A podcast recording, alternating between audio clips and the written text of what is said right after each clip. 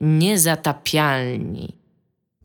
Witamy w podcaście Niezatapialni 2099 Ultimate Edition.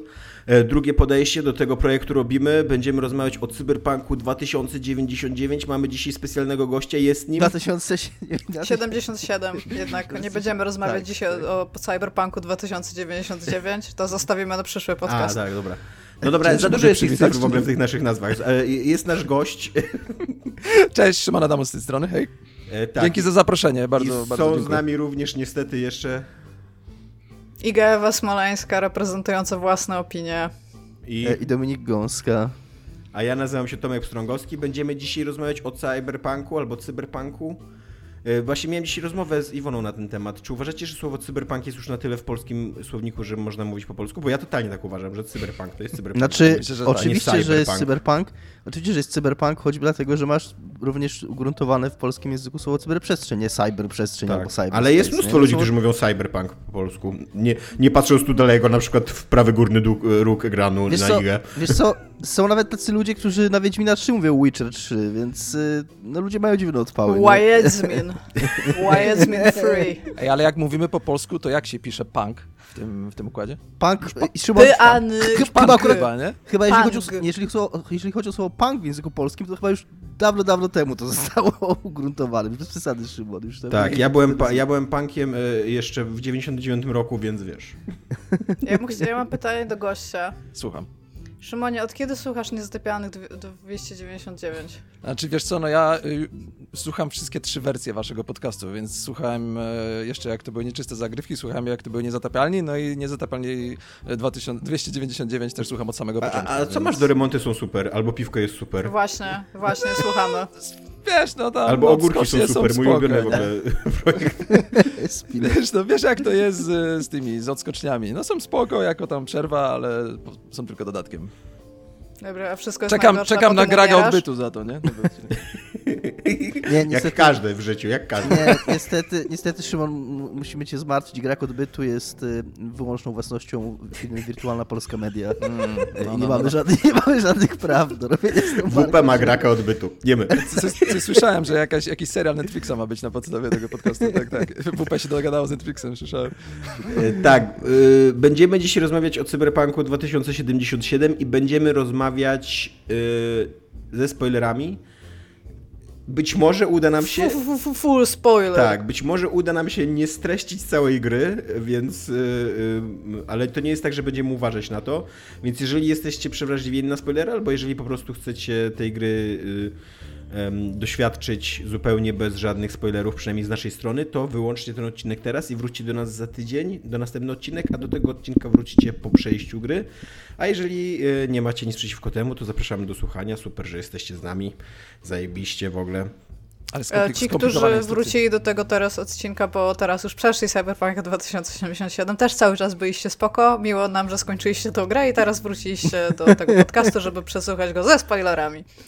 Tak. E, zaczynamy tradycyjnie od co jest grane, czy zaczynamy od cyberpunka? No właśnie tak się zastanawiam, bo powiedziałeś ludziom, którzy, e, którzy nie chcą spoilerów, żeby to wyłączyli, a jeszcze jest co jest grane i teraz nie będą no wiedzieć. Trudno, no please. Ich nie, nie jest to jakaś wielka strata, Iga, że ktoś nie usłyszy, co jest grane u ciebie. Ty. Ty. Co jest teraz grane u ciebie? zrobić przykro. 13 Sentinels Aegis Rim. Jezu, Ej, w ogóle ja chcia... gry. W ogóle ja byłem zainteresowany tą grą, bo tam się o niej dużo pisze i tak dalej, ale to gówno jest tylko na Switcha, okazuje się. Nie, nie na PlayStation 4, na PlayStation 4, tylko na, więc totalnie jest na, tylko na Switcha. Tylko na, no w każdym razie na konsolę, której nie mam, tak? To jest taki, mam taki worek, bo są konsole, których nie mam. Switch i PlayStation 4 to jest tam more less to samo. Dobra, ja bym chciała powiedzieć, że Dominik po powiedział tutaj e, takie sw swoje zdanie i możemy go za to szanować. Określił tę grę jako gówno. To jest bardzo niemiłe, Dominik, i chciałabym, żebyś teraz nie, nie. przeprosił. Słucham. Przepraszam, przepraszam. Tak, bardzo, nie, bardzo ładnie. Nie to miałem na myśli absolutnie. Raczej to była moja frustracja. frustracja wywołana faktem, że głośna gra, którą bym chętnie zagrał, nie jest na platformę, w którą.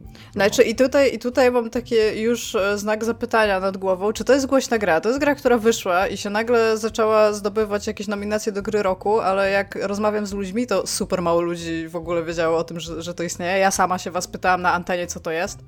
Więc, Mnie się pytałaś, e, no tak, ale, ja wiedziałem, tak, ale ona wyszła. Ale Tak, mówi się tak, o tym Tomek i pojawia wiedział. się w różnych w różnych Tak, ona się teraz zaczyna pojawiać jako taki e, jakby underdog, Underdog, coś, co tak. przeszło Ale ja bym chciał pod, powiedzieć, pod że jeżeli ktoś nazywa swoją grę 13 Sentinels Aegis Rim, Aegis to, Rim, to trochę tak. sam jest sobie winien jakby. Trochę tak, szczególnie, że w, sa- w samej grze już jest tak, e, to, co, co się dzieje? E, To jest e, bardzo japońska gra, od razu to powiem. Ta gra jest po prostu tak bardzo japońska, że równie dobrze mogłaby być dodawana do sushi mniej więcej, tak bardzo jest japońska. E, To jest gra, która w ogóle moim zdaniem jest bardzo grą Tomasza Pstrągowskiego, no ale ja w nią gram. To jest jakby w założeniu fabularnym, to jest gra o nastolatkach, które muszą ratować świat w wielkich mechach i bardzo mocno ona ma taki klimat Ewangeliona.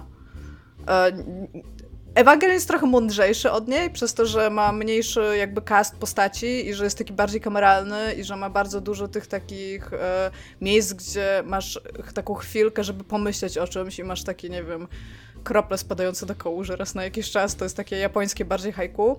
E, tutaj ta gra e, jakby bierze całą e, tą swoją spuściznę japońskości, więc całkowicie, jeżeli chodzi o e, narrację, ona jest tak poćwiartowana, Tomek, jak ty nie za bardzo lubisz.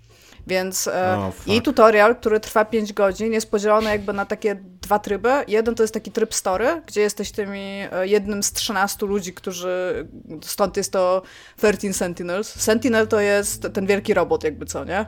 Tak właśnie Tak, miałem o już to od razu pytać. to Ja, powiem, y, tak. Jest dokładnie 13 na sentineli, jest 13, jest 13 pilotów i to są nastolatki i to są takie nastolatki, jak wam się wyobraża, że to są nastolatki, no ale to zaraz do tego przejdę. I oprócz tego trybu story jest taki tryb Tower Defense, gdzie e, na takiej W mapie przyszłości bardzo się dziejący. symbolicznym- Właśnie tu, zaraz do tego dojdę, ok? Bo to, to, jest, to jest różnie. e, który e, jakby polega na tym, że w taki bardzo symboliczny sposób na mapie widzisz wrogów i widzisz te swoje sentinela i możesz niby na takiej zasadzie jak w JRPG-ach podejmować różne akcje, poruszać się po niej albo atakować.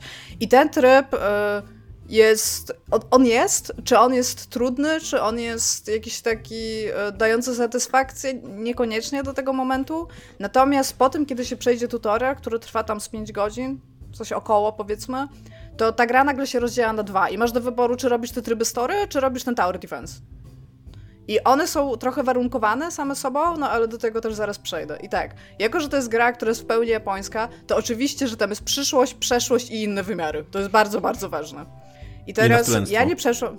Na, jest bardzo mocne nastolenstwo do tego stopnia, że y, grasz głównie ludźmi, którzy są w pierwszej klasie liceum, i oni tam mają 15-16 lat, ale jest taki ziomek, który on y, jakby, on wie dużo więcej na temat tych sentineli i on ci tłumaczy rzeczy tak jakby tutorialowo i ja sobie myślę, ten typ to jest chyba jakiś ich nauczyciel, nie? Albo coś takiego, no bo tam też ten... Nie, nie, on, on jest z drugiej klasy.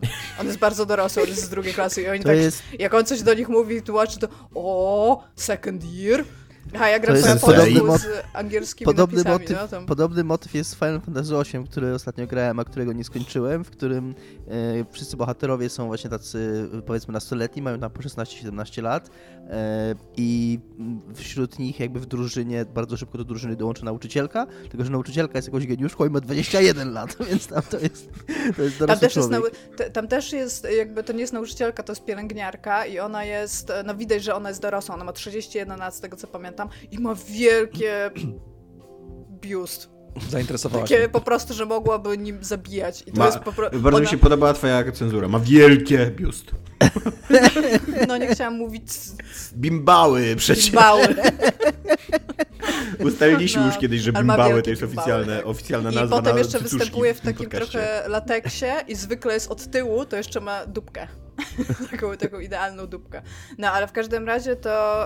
E, co jest super ważne i to, to jest moim zdaniem najważniejsza w ogóle z, z, jakby z elementów tej gry, którą, którą można powiedzieć, ta gra jest po prostu przecudnie śliczna. Ona jest 2D, ale e, jakby masz tam jakiś poziom głębi, w który, który wchodzisz tymi dwuwymiarowymi tam ludzikami. Te, te tła są takie ba- raczej statyczne, ale to, w jaki sposób ona operuje światłem, to w jaki sposób te postaci są animowane, co robią i w jaki sposób tam jakby oddziałują ze światem, jest po prostu przecudnie szczegółowy. To jest taka wycyckaność 11 na 10, nie? Jest e, super przyjemnie się na to patrzy. Ona ma takie w miarę fajne dialogi, te postaci są takie, no, no są bardzo różnorodne, szczególnie, że masz no właśnie ludzi jakby... Ona się dzieje w 2000, latach 2020 Natomiast są tam też postaci z lat 40. E, ubiegłego wieku i są też postaci jakby z troszeczkę innego wymiaru, ale linia czasowa skacze pomiędzy trzema jakby miejscami. Właśnie lat 40., takiej współczesności tych, e, tych postaci i ileś lat do przodu, kiedy dzieje się jakiś kataklizm, któremu e, w jakiś sposób mogą zapobiegać. I to, co ty mówisz, że te bitwy Sentineli są w przyszłości, ogólnie tak, ale masz też bardzo dużo elementów z tych Sentinelów jakby w teraźniejszości, bo one się cofają w czasie z innego wymiaru, żeby robić rzeczy tu. Jest po prostu super. Przez te 6 godzin tutoriala ja siedzę i tak, to się teraz dzieje. Okej, okay, okej. Okay. Jest gadający kod. Jest, to totalnie... jest, jest po prostu, jest wszystko. Ja również, ja Iga, y, określałeś grę jako gra, grę dla Tomka, ale te wszystkie shenanigans y, z, z czasem, to ja, mnie to też bardzo cieszy i też bym chciał. Znaczy ja ogólnie wam polecam tę grę, rzeczywiście z tego, co, z tego co mi się wydaje, y, jest tylko na PlayStation 4, y, ale przez to, że ona zdobywa tak duży pogłos teraz, to ona, mi się wydaje, że ona zaraz będzie mieć porty, chociaż nie jestem pewna, jak było w przyszłości z grami Vanillaware, bym musiała to sprawdzić, czego nie wykonałam. Ale ogólnie jest jest czymś, co jestem w stanie polecić przede wszystkim dlatego, że ona jest po prostu super ciekawa i inna i dziwna i realnie fajnie mi się z nią oddziałuje tak minute to minute.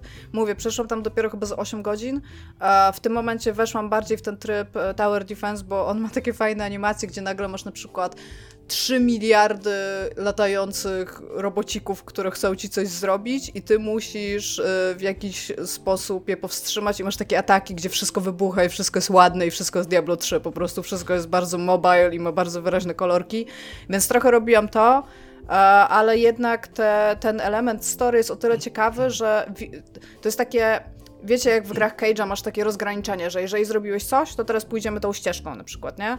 No i tam jest identycznie, że na przykład e, ten, ten tryb story jest taki troszeczkę visualowy, tylko dużo bardziej, tak jak wam to określiłam, casual. Są krótsze te dialogi, masz e, te, te wybory nie jest są dla, takie... Przepraszam, nie jest dla takich hardkorowych... Nie jest hardkorowych, zjadaczy nie jest dla hardkorowych casual tak. więc tak, więc e, masz na przykład taki, tutaj podam e, jednego z pierwszych bohaterów, którego ja wybrałam.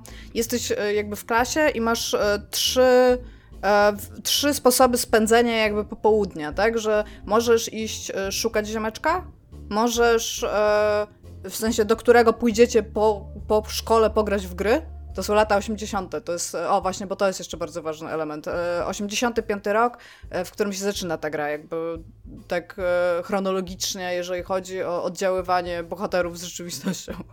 A więc możecie iść do niego, bo on jest bogaty i ma dużo konsoli, więc możecie iść do niego pograć w grę, ale możecie też e, pójść poszukać filmu, który, który bardzo lubicie. Bardzo dużo ludzi tam jest bardzo into e, science fiction, filmy, szczególnie z zachodu i są bardzo dziwnie opisane są te filmy. A, albo możecie e, podsłuchiwać tego, co robią dziewczyny w klasie. I w zależności od tego, co zrobisz, to inaczej się potoczy, potoczą e, jakby da, dalej rzeczy i odblokujesz sobie więcej informacji na temat e, życia tego jednego nastolatka. Więc to jest takie, realnie chcecie się oddziaływać i powiedzieć, i poznać, co się tam dzieje, szczególnie, że to ma 13 postaci i te ich życia są super ze sobą, tak jak trybiki, zacieśnione. Że każdy z nich jednak w jakiś sposób oddziałuje z innym w dosyć zaskakujący sposób. Więc jest to coś, co na pewno. Ona, ona trwa około 30 godzin, 40, więc na pewno tej treści jest tam bardzo, bardzo dużo w tym, w tym czasie. Ja bym chciał tylko dodać, że wątpię, żeby to jakoś szybko wyszło na inne platformy, bo to wydał Atlus, a Atlus raczej nie jest znany a, z tego, no, żeby wydawał Atlus. na inne platformy. Teraz trochę z PC-tem mm, romansuje, no ale to tam teraz wydaje na PC grę sprzed chyba 8 lat, tak? Więc. No to za 8 lat polecam 13 Sentinels Aegis Rim. Aegis, aha, bo tam a propos tego e, Ewangeliona, co mówiłam, że ma takie vibe. Ten Tower Defense Mode polega na tym, że te, te złe roboty, które chcą się tam dostać, e, jakby właśnie one chcą się dostać do takich centrów dowodzenia, skąd będą w stanie przejmować e, resources, zasoby, które są im potrzebne. A, I one oczywiście są tak samo jak w tym, jak w Ewangelionie pod ziemią, i muszą się tam wkopać, więc twoim zadaniem jest... E, Totalnie rozumiem tą strategię. Tak, zlikwidować e, wszystkie na mapie występujące tam te złe robociki, które się przenoszą tak jak troszeczkę jak w tym, jak w Into the Bridge z innego, z innego wymiaru. To więc musisz je wszystkie e, albo pokonać, albo doprowadzić do tego, że minie na tyle dużo czasu, tam licznik masz u góry, żeby e, ten Aegis Rim, czyli jakby ta, ta broń, która pozwoli bronić tych, e, tych miejsc, do których on potrzebują się dostać, się załaduje i wtedy puszcza taki EMP na całą mapę, że wszystko, że wszystko sprząta jakby w promieniu dwóch kilometrów. Więc to jest jakby cel Tower Defense Mode i żeby nie było, w Tower Defense Mode też się dzieje fabuła, jest bardzo dużo stękania i wszystkie nastolatki, wszystkie nastolatki jak są w Sentinelach są nagie. Tak, ale podobno, więc, ale podobno Więc faceci są... są tak pokazani od Właśnie słupków. tak, podobno chłopcy są dużo bardziej z wyczuciem pokazani niż dziewczęta. Tak, a babki są pokazane na przykład tak, pierwsza postać w ogóle, którą jesteś w Sentinelu jest pokazana e, w, taki, e, w takim systemie aktorek na plakatach firm popularnych, czyli dupa first, taki jest side boob i się, i się tak odwraca super niewygodnie, żeby jednak była e, enfaz jakby e, na, na tym portreciku, żeby mogła mówić, nie? I ja tak siedzę i tak to się teraz dzieje, nie? I, Ej, ale Iga, ja mam pytanie, czy to jest, bo Tak. ty e, strasznie dużo mówisz o, o różnych elementach tej gry, a ja w sumie tak naprawdę do końca nie wiem, ta fabuła to ona jest na poważnie, czy to jest... Tak, tak. To Poważnie, jest, tak? to jest japońska gra, to jest bardzo poważna Aha, fabuła. Tam aha. to oni wszyscy. To, to jest w ogóle też taki właśnie. e, To jest takie emo science fiction na ratowaniu świata. Trochę O. tak i właśnie I podróże tak w jak czasie. w Plus Ewangelionie. cycuszki i to, pupy, to, okej. tak, no. No i oni właśnie e, przez to, że to jest to taki jednak scenariusz e, no, apokaliptyczny, jakby nie patrzeć, że tutaj zaraz, e, zresztą masz realnie pokazane konsekwencje e, tego, jeżeli nie obronisz tej ziemi. Oni, oni się przenoszą do jakby linii czasowej, w której ta ziemia już upadła i, i, to, i to widać, co tam się dzieje, więc e, no to wszystkie te ich emocje, wszystko to, co oni robią, to jest tak, wiesz, 30 razy bardziej poważnie przez to, nie? Aha. No, ale przy okazji e, masz tam też e, oczywiście postać e, androgeniczną, e, która chodzi ubrana w ciuchy innej płci niż powinna być e, jakby według naszej kultury poubierana, z czym oni są bardziej w porządku, to jest u nich bardziej kulturalnie dopuszczalne jakby. Właśnie tak jak mówiłam, masz gadające koty, masz e, laskę, która jest w traktim, która praktycznie biega w samych gaciach, no bo tak się przecież biega, więc przez cały czas jest tylko w Ej, samych ale gaciach. W ogóle to jeszcze raz, ale to jest na poważnie wszystko. Tak. Tak. Bo Gadające Tak, tak, koty, tak. laski, półnagie i tak dalej, a z drugiej strony super powaga. No dobra, spoko. W No, sumie japońska no. gra. Więc y, jak mówię, jestem nią super zainteresowana i na pewno będę w nią grać y, dużo więcej. A, więc to jest grane u mnie głównie, już bardzo dużo czasu antenowego zajęłam. No właśnie Poza trochę tym się nie spodziewałem, że 20 minut pierwszy odcinku o Cyberpunku będzie o Extreme. Poza tym czytam imię Róży, czy Nie, chcecie nie, o tym nie. porozmawiać? Widać stop. E, Niestety chłopcy, nasze sobie zgrane będą musiały być dużo krótsze, ponieważ mamy Igę w podcaście. A Iga gra w głównym problemem tego podcastu, no. A jednocześnie ja Padło mam, pytanie, co jest głównym ja mam, ja problemem. mam, w ogóle to jest takie typowe dla japońskich gier, że mam, mam jednocześnie wrażenie, że Iga mówiła bardzo dużo o tej grze, ale jednocześnie bardzo mało Tak. nie wiem wciąż. Tak, ja, ja kompletnie nie wiem, co to jest za gra. Ja też, jakby w ogóle te 20 W ogóle- minut mi nic nie rozjaśniło na temat tej Jak, gry. jak pierwszy raz mi, y, bo mi tą Iga, nie! polecił... Już Iga, wystarczy. Kończymy tego- ten temat. Znaczy, moim zdaniem najcenniejsza informacja z tego, co powiedziałaś, Iga, to było to, że wspomniałaś, że tutorial trwa 5 godzin, nie? To bardzo dużo mówi o tej grze. Znaczy, to też jest bardzo japońskie w tej grze, bo ten tutorial mógłby trwać 25 minut. No, no, no, no. Ale jest bardzo dużo fabuły i cycków. Tymczasem w Europie Wschodniej powstał Cyberpunk 2077. E, I tak, i sytuacja wygląda tak. E, ja i Iga przeszliśmy tą grę jakiś miesiąc temu, skończyliśmy ją. Iga trochę później niż ja. Nie no, E, bez przesady, że miesiąc temu. Miesiąc temu to... no tak, ja miesiąc temu ją Ja skończyłem. już skończyłam chyba. PiS jest w pierwszej- 24 stycznia. Tak, ja ją skończyłam jakoś no. 1 albo 2 stycznia, Dominik. Ja ją skończyłem, ja, moja recenzja była opublikowana w Wigilię, więc musiałem ją skończyć wcześniej. A okej, no to jakoś ten czas znowu za szybko Nie, no, leci. dwa tygodnie chyba przed świętami wyszła jakoś tak chyba, nie? E, Tak, tak, nie, nie. Szymon, ty kiedy ją 10 skończyłeś? grudnia. Dwa tygodnie temu? Tak, na, w sensie wymaksowałem, bo tam wcześniej już porobiłem dużo rzeczy, ale wymaksowałem z dwa tygodnie temu. A Dominik skończył ją kilka dni temu, tak? Ale Kilka za to temu, tak. dwie trzecie gry przechodził dwa razy, bo raz Tak, na Xbox tak. One, a raz na Stadii. E, więc tak, e, po tym miesiącu, e, czyli najpierw ja, Iga i, i Szymon, jakie macie teraz wrażenia już tak e, z perspektywy czasu? Iga, może najpierw nie, może niech najpierw będzie No właśnie chciałam powiedzieć, że tak. Znaczy, e, ja miałem z tą grą w ogóle takie sinusoidy, bo jak zacząłem w nią grać, to byłem totalnie zachwycony. E, Ona po pierwsze miała strasznie mało bugów u mnie na początku przez kilka, chyba, nie wiem, 10 godzin. Pierwsze to prawie w ogóle tam nie miałem bugów żadnych. A po drugie, no to jak wygląda ten, to, to miasto, w sensie jego wielkość i tak dalej, to zachwyciło mnie na początku. Po prostu łaziłem tylko po tym mieście. W ogóle miałem takie pierwsze parę godzin, to miałem takie, że w ogóle do samochodów nie wsiadałem, bo chciałem sobie po prostu połazić po tym mieście. Później oczywiście im dalej, tym było gorzej. E, tych bugów przybywało, okazywało się, że to miasto nie reaguje tak fajnie, jakbym chciał, żeby reagowało, że niektóre kwestie są słabe i tak dalej. Em, I później pod koniec to już miałem w sumie taką, raczej jechałem na takim normalnych e, emocjach, bez jakichś wielkich ekscytacji. I teraz po jakimś czasie dochodzę do wniosku, że nie no, w sumie spoko się bawiłem. Bardzo spoko nawet. Bawi, bawiłem się na tyle dobrze, że totalnie y, liczę na to, że CD Projekt będzie z tym jechał dalej. No wiadomo, że będą jechać i że wydadzą jak najwięcej różnych rzeczy, bo po prostu chcę wrócić sobie do tego miasta. Tylko, że wolałbym, żeby było pod wieloma względami inne, lepsze i tak dalej, nie? Ale jak wspominam tą grę, to w sumie chyba bardzo, bardzo dawno już nie wsiąkłem aż tak bardzo w grę, żeby wiecie, wstawać rano i kurde, no chętnie bym wrócił do, do Night City, już coś tam pochodził, nie? A nie, nie wiem, pracował czy coś, czy jadł. Więc to było, to było naprawdę spoko. I względem spał? wspominam to rewelacyjnie, no. Tak, czy spał, dokładnie. Zużyłem całą amfetaminę, żeby grać w Cyberpunka, nie? W każdej, w każdej możliwej chwili. E, i, I nawet utkwiło mi w pamięci kilka questów, które, które jakoś tam e, spodobały mi się bardziej. Utkwiło mi w pamięci jakoś kilka takich wydarzeń, które sam sobie tworzyłem. Miałem taki jeden raz na przykład, jak e, znalazłem jakąś e, na środku pustyni jakąś e, placówkę wrogów i miałem już na tyle rozwinięte, bo ja tam szedłem w stronę na, e, e, hakera, więc miałem już na maksa rozwinięte różne rzeczy, więc sobie podjechałem motorem, wyłączyłem światła w motorze, podjechałem gdzieś tam na brzeg tego, tej placówki i tak z odległości 200 metrów hakowałem wszystko i wszystkich kogoś dało. Jak mnie zaczęli wykrywać, to się przesunąłem gdzieś tam o kolejne 200 metrów, wyłączyłem światła i tak dalej, i tak dalej, i tak dalej, tak z 90%. Czekaj, to ja, ja, ja tak grałam cały czas, tak jak ty grałeś, jak tak nie grałeś. No nie no, bo później wiesz, jak przypucowałem już trochę, to tam mogłem wejść na, na pełnej z kataną w ręce.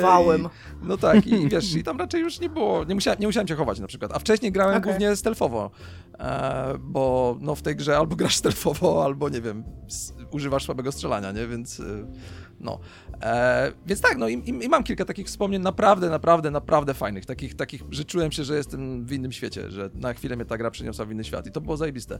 I, i nawet jakoś tak przyćmiewa to wszystko, te wszystkie błędy i problemy techniczne i tak dalej w tej grze, w mojej głowie, Ja, czasie. y, ja właśnie mam trochę na odwrót, bo, ale to mi się wydaje, że to wynika z tego, że ja z kolei miałem totalnie beznadziejne pierwsze 10 godzin tej gry. A. Miałem tak na maksa zabagowane, tak, że w ogóle... A, bo ty tam walczyłeś z tymi ustawieniami też, nie? Tak, że w ogóle ledwo działała ta gra u mnie, co nie? Znaczy, y, nie tak, że ledwo działała, bo jakby jak stałem w miejscu i miasto się żyło do, dookoła i nie, żadne skrypty nie musiały się odpalać ani nic takiego, to wszystko dobrze działało, co nie?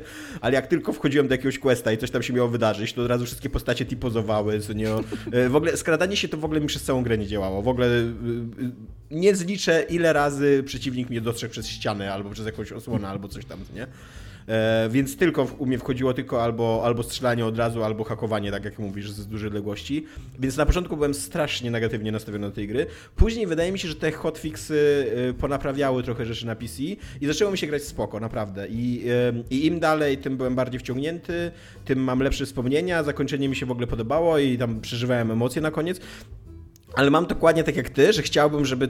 O ile na przykład po Wiedźminie, po tych 150 godzinach Wiedźmina, jak wyszedł ten dodatek Krew i Wino, to już stwierdziłem, że nie, no 30 godzin Wiedźminie e, dodatkowe jeszcze to już jest za dużo. To już, już nie mam na to siły, czasu i energii, co nie?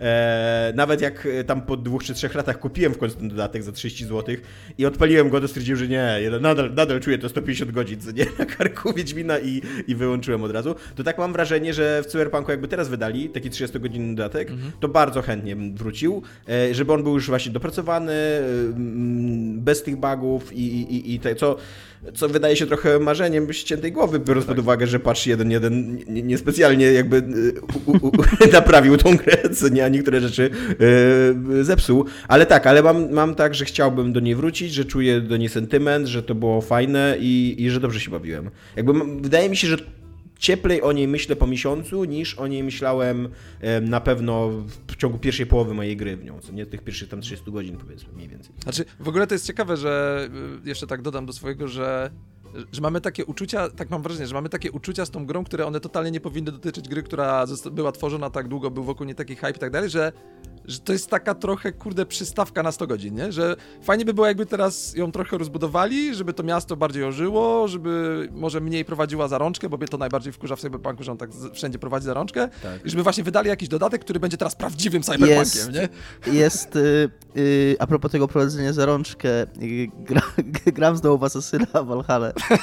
Y, I tylko szybko powiem, że miałem wczoraj, wróciłem do tej, tam jest ta siedziba twoja, nie? Ta taka osada, którą rozwijasz tej grze. Osada, no. I wszedłem wczoraj do tej osady i tam coś, coś tam po prostu, żeby oddać jakiegoś questa. I jak tam przychodziłem z jednego miejsca do drugiego, podchodzi do mnie babka, która jest, która ma brata tam, który jest tam e, tym. I ona mówi mi, że ten brat jej gdzieś zginął i że chodźmy go szukać. I nagle jakiś quest się odpala. I taki w ogóle zajebiście śmieszny quest, gdzie tam w ogóle się zjedliśmy grzyby i tam jakieś mieliśmy wizje. I nieważne. I takie na pół godziny taka przygoda, która się zaczęła po prostu, bo ktoś do mnie podszedł na, na, na ulicy z problemem. I kurna, tego tak brakuje w cyberpunku. Tak brakuje, że to wszystko jest właśnie y, po sznurku, a nic się nie dzieje jakby samo z siebie, nie? Tak, to prawda, chociaż wiesz co, no z drugiej strony, moja żona teraz gra w Valhalla i patrzę jak gra i dużo z nią rozmawiam o tym, jakie ma uczucia, i, ale z drugiej strony, na przykład moim zdaniem Cyberpunk lepiej wyważa ilość treści, która jest w grze, bo, bo Valhalla, no teraz Karolina już po prostu powoli zaczyna już ją męczyć ta gra, bo po prostu ona jest tak wypchana takimi rzeczami dodatkowymi, tego jest tam tyle, ty, jeśli byś chciał to wszystko robić i tak dalej, jeśli masz jakieś OCD i tak dalej, to po prostu w pewnym momencie masz takie wrażenie, tak jak rozmawiam z Karoliną, że jest takie wrażenie, że tej gry jest po prostu za dużo.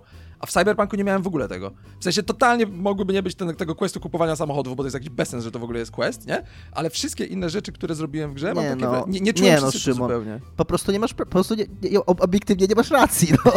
Znaczy, jest, nie, chodzi mi o nie chodzi mi o Valhalla, bo tam nie czas i miejsce teraz na gadanie o Valhalla, ale jeżeli chodzi o Cyberpunka, no to te wszystkie questy takie, te takie copy-paste questy typu, że masz po prostu wejść i które nie mają żadnej Gigi. fabuły. To się nazywa gig. Tak, ale, naw- ale nawet nie one wszystkie- zawsze starały się serwować coś Właśnie innego. nie zawsze. Nie, nie starały jest się Kilka, to nigdy. Jest kilka Ani razu. Ich, jest Ani kil, Nie, razu. no, ani razu nie. Jest kilka ich. Jest ten z e, siostrą, razu. która miała cyberpsychozę. Jest taki z dziennikarzem, że tam on się zabunkrował gdzieś u góry. Przecież przynajmniej jakiś dialog jest, gdzie coś się dzieje, nie? Ale ich jest kilka. A większość jest taki, że... I to, I to też nie są tak, że one są inne, tylko one są lepiej napisane, więc wydają się bardziej lepiej napisane i mają troszeczkę przynajmniej jakieś inne interakcje niż tylko strzelanie, że coś z kimś tam pogadasz albo coś tam musisz zrobić. A na ogół to masz po prostu y, y, tę samą powtarzalną czynność, czyli zabić kogoś albo wynieść jakiś przedmiot, y, albo zabić wszystkich i po prostu sobie ewentualnie jedną notatkę i jednego maila przeczytać, które ci powiedzą, dlaczego to robiłeś.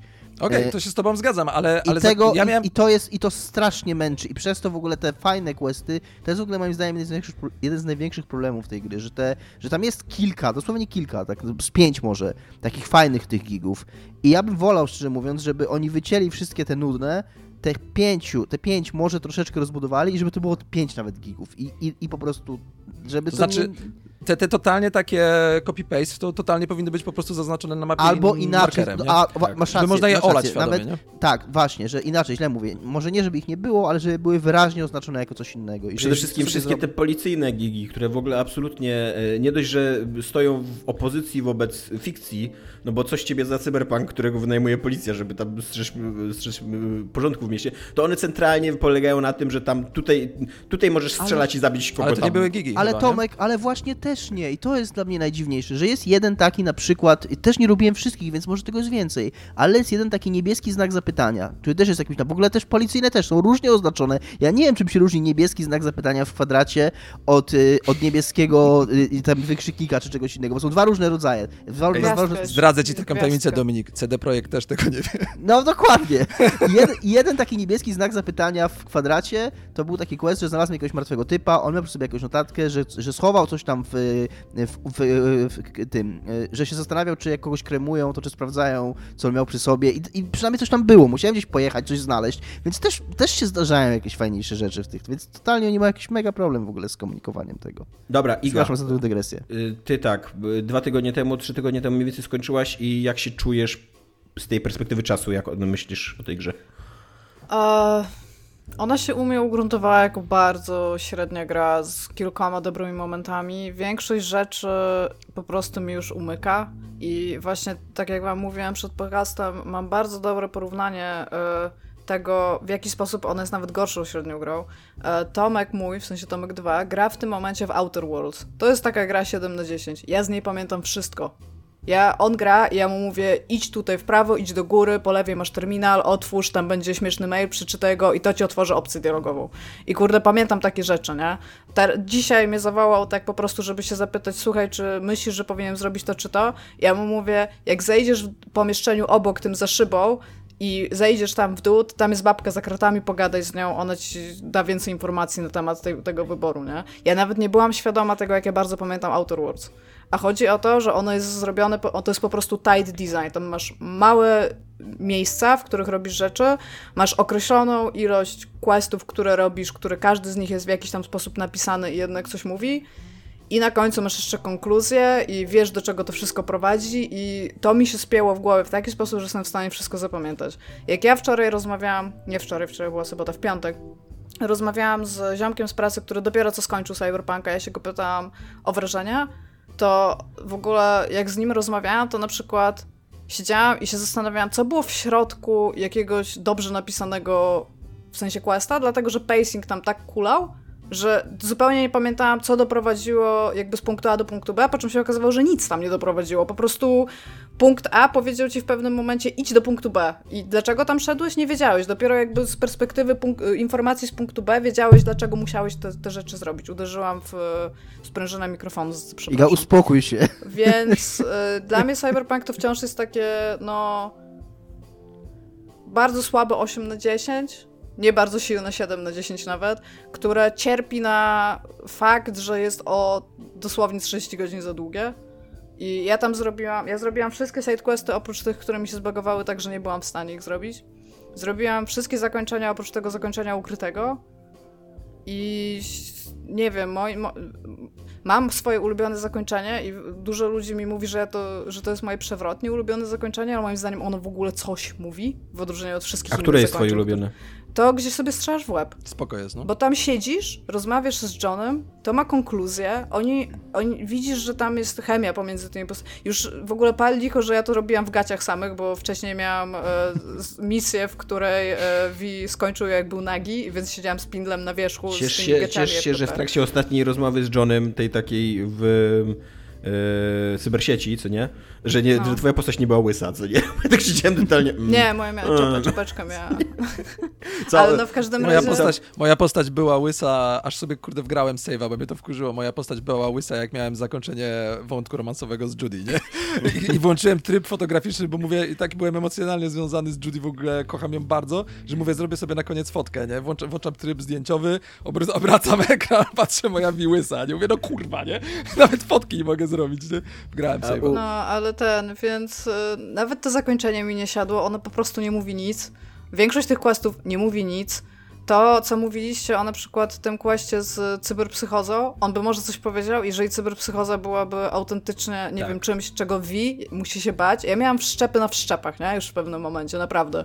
Jak nic mi... Tam, ten świat jest, jest jakby... bardzo dziwnie. Biorąc pod uwagę, jak ważny to był moment, motyw w Cyberpunku 2020, no tak. to w 2077 jest przedziwnie przedstawiony. To jest coś, co się dzieje zupełnie na boku yy, i co, o czym się dowiadujesz w ogóle z jakichś takich dziwnych ogóle... wiadomości i co służy ci tylko po to, żeby móc w pewnym momencie bezkarnie strzelać do ludzi i, I przy okazji ich nie zabijać, tak. bo tam też na, na mocy w ogóle e, e twórców gry, ty, mimo że strzelasz tak, do tak, tak, amunicji, to oni tylko tracą przytomność. Znaczy, to, to mi Robert chciałem... Heft, pozdrawiam Roberta Hefta, zwrócił uwagę i ma rację w tym, że...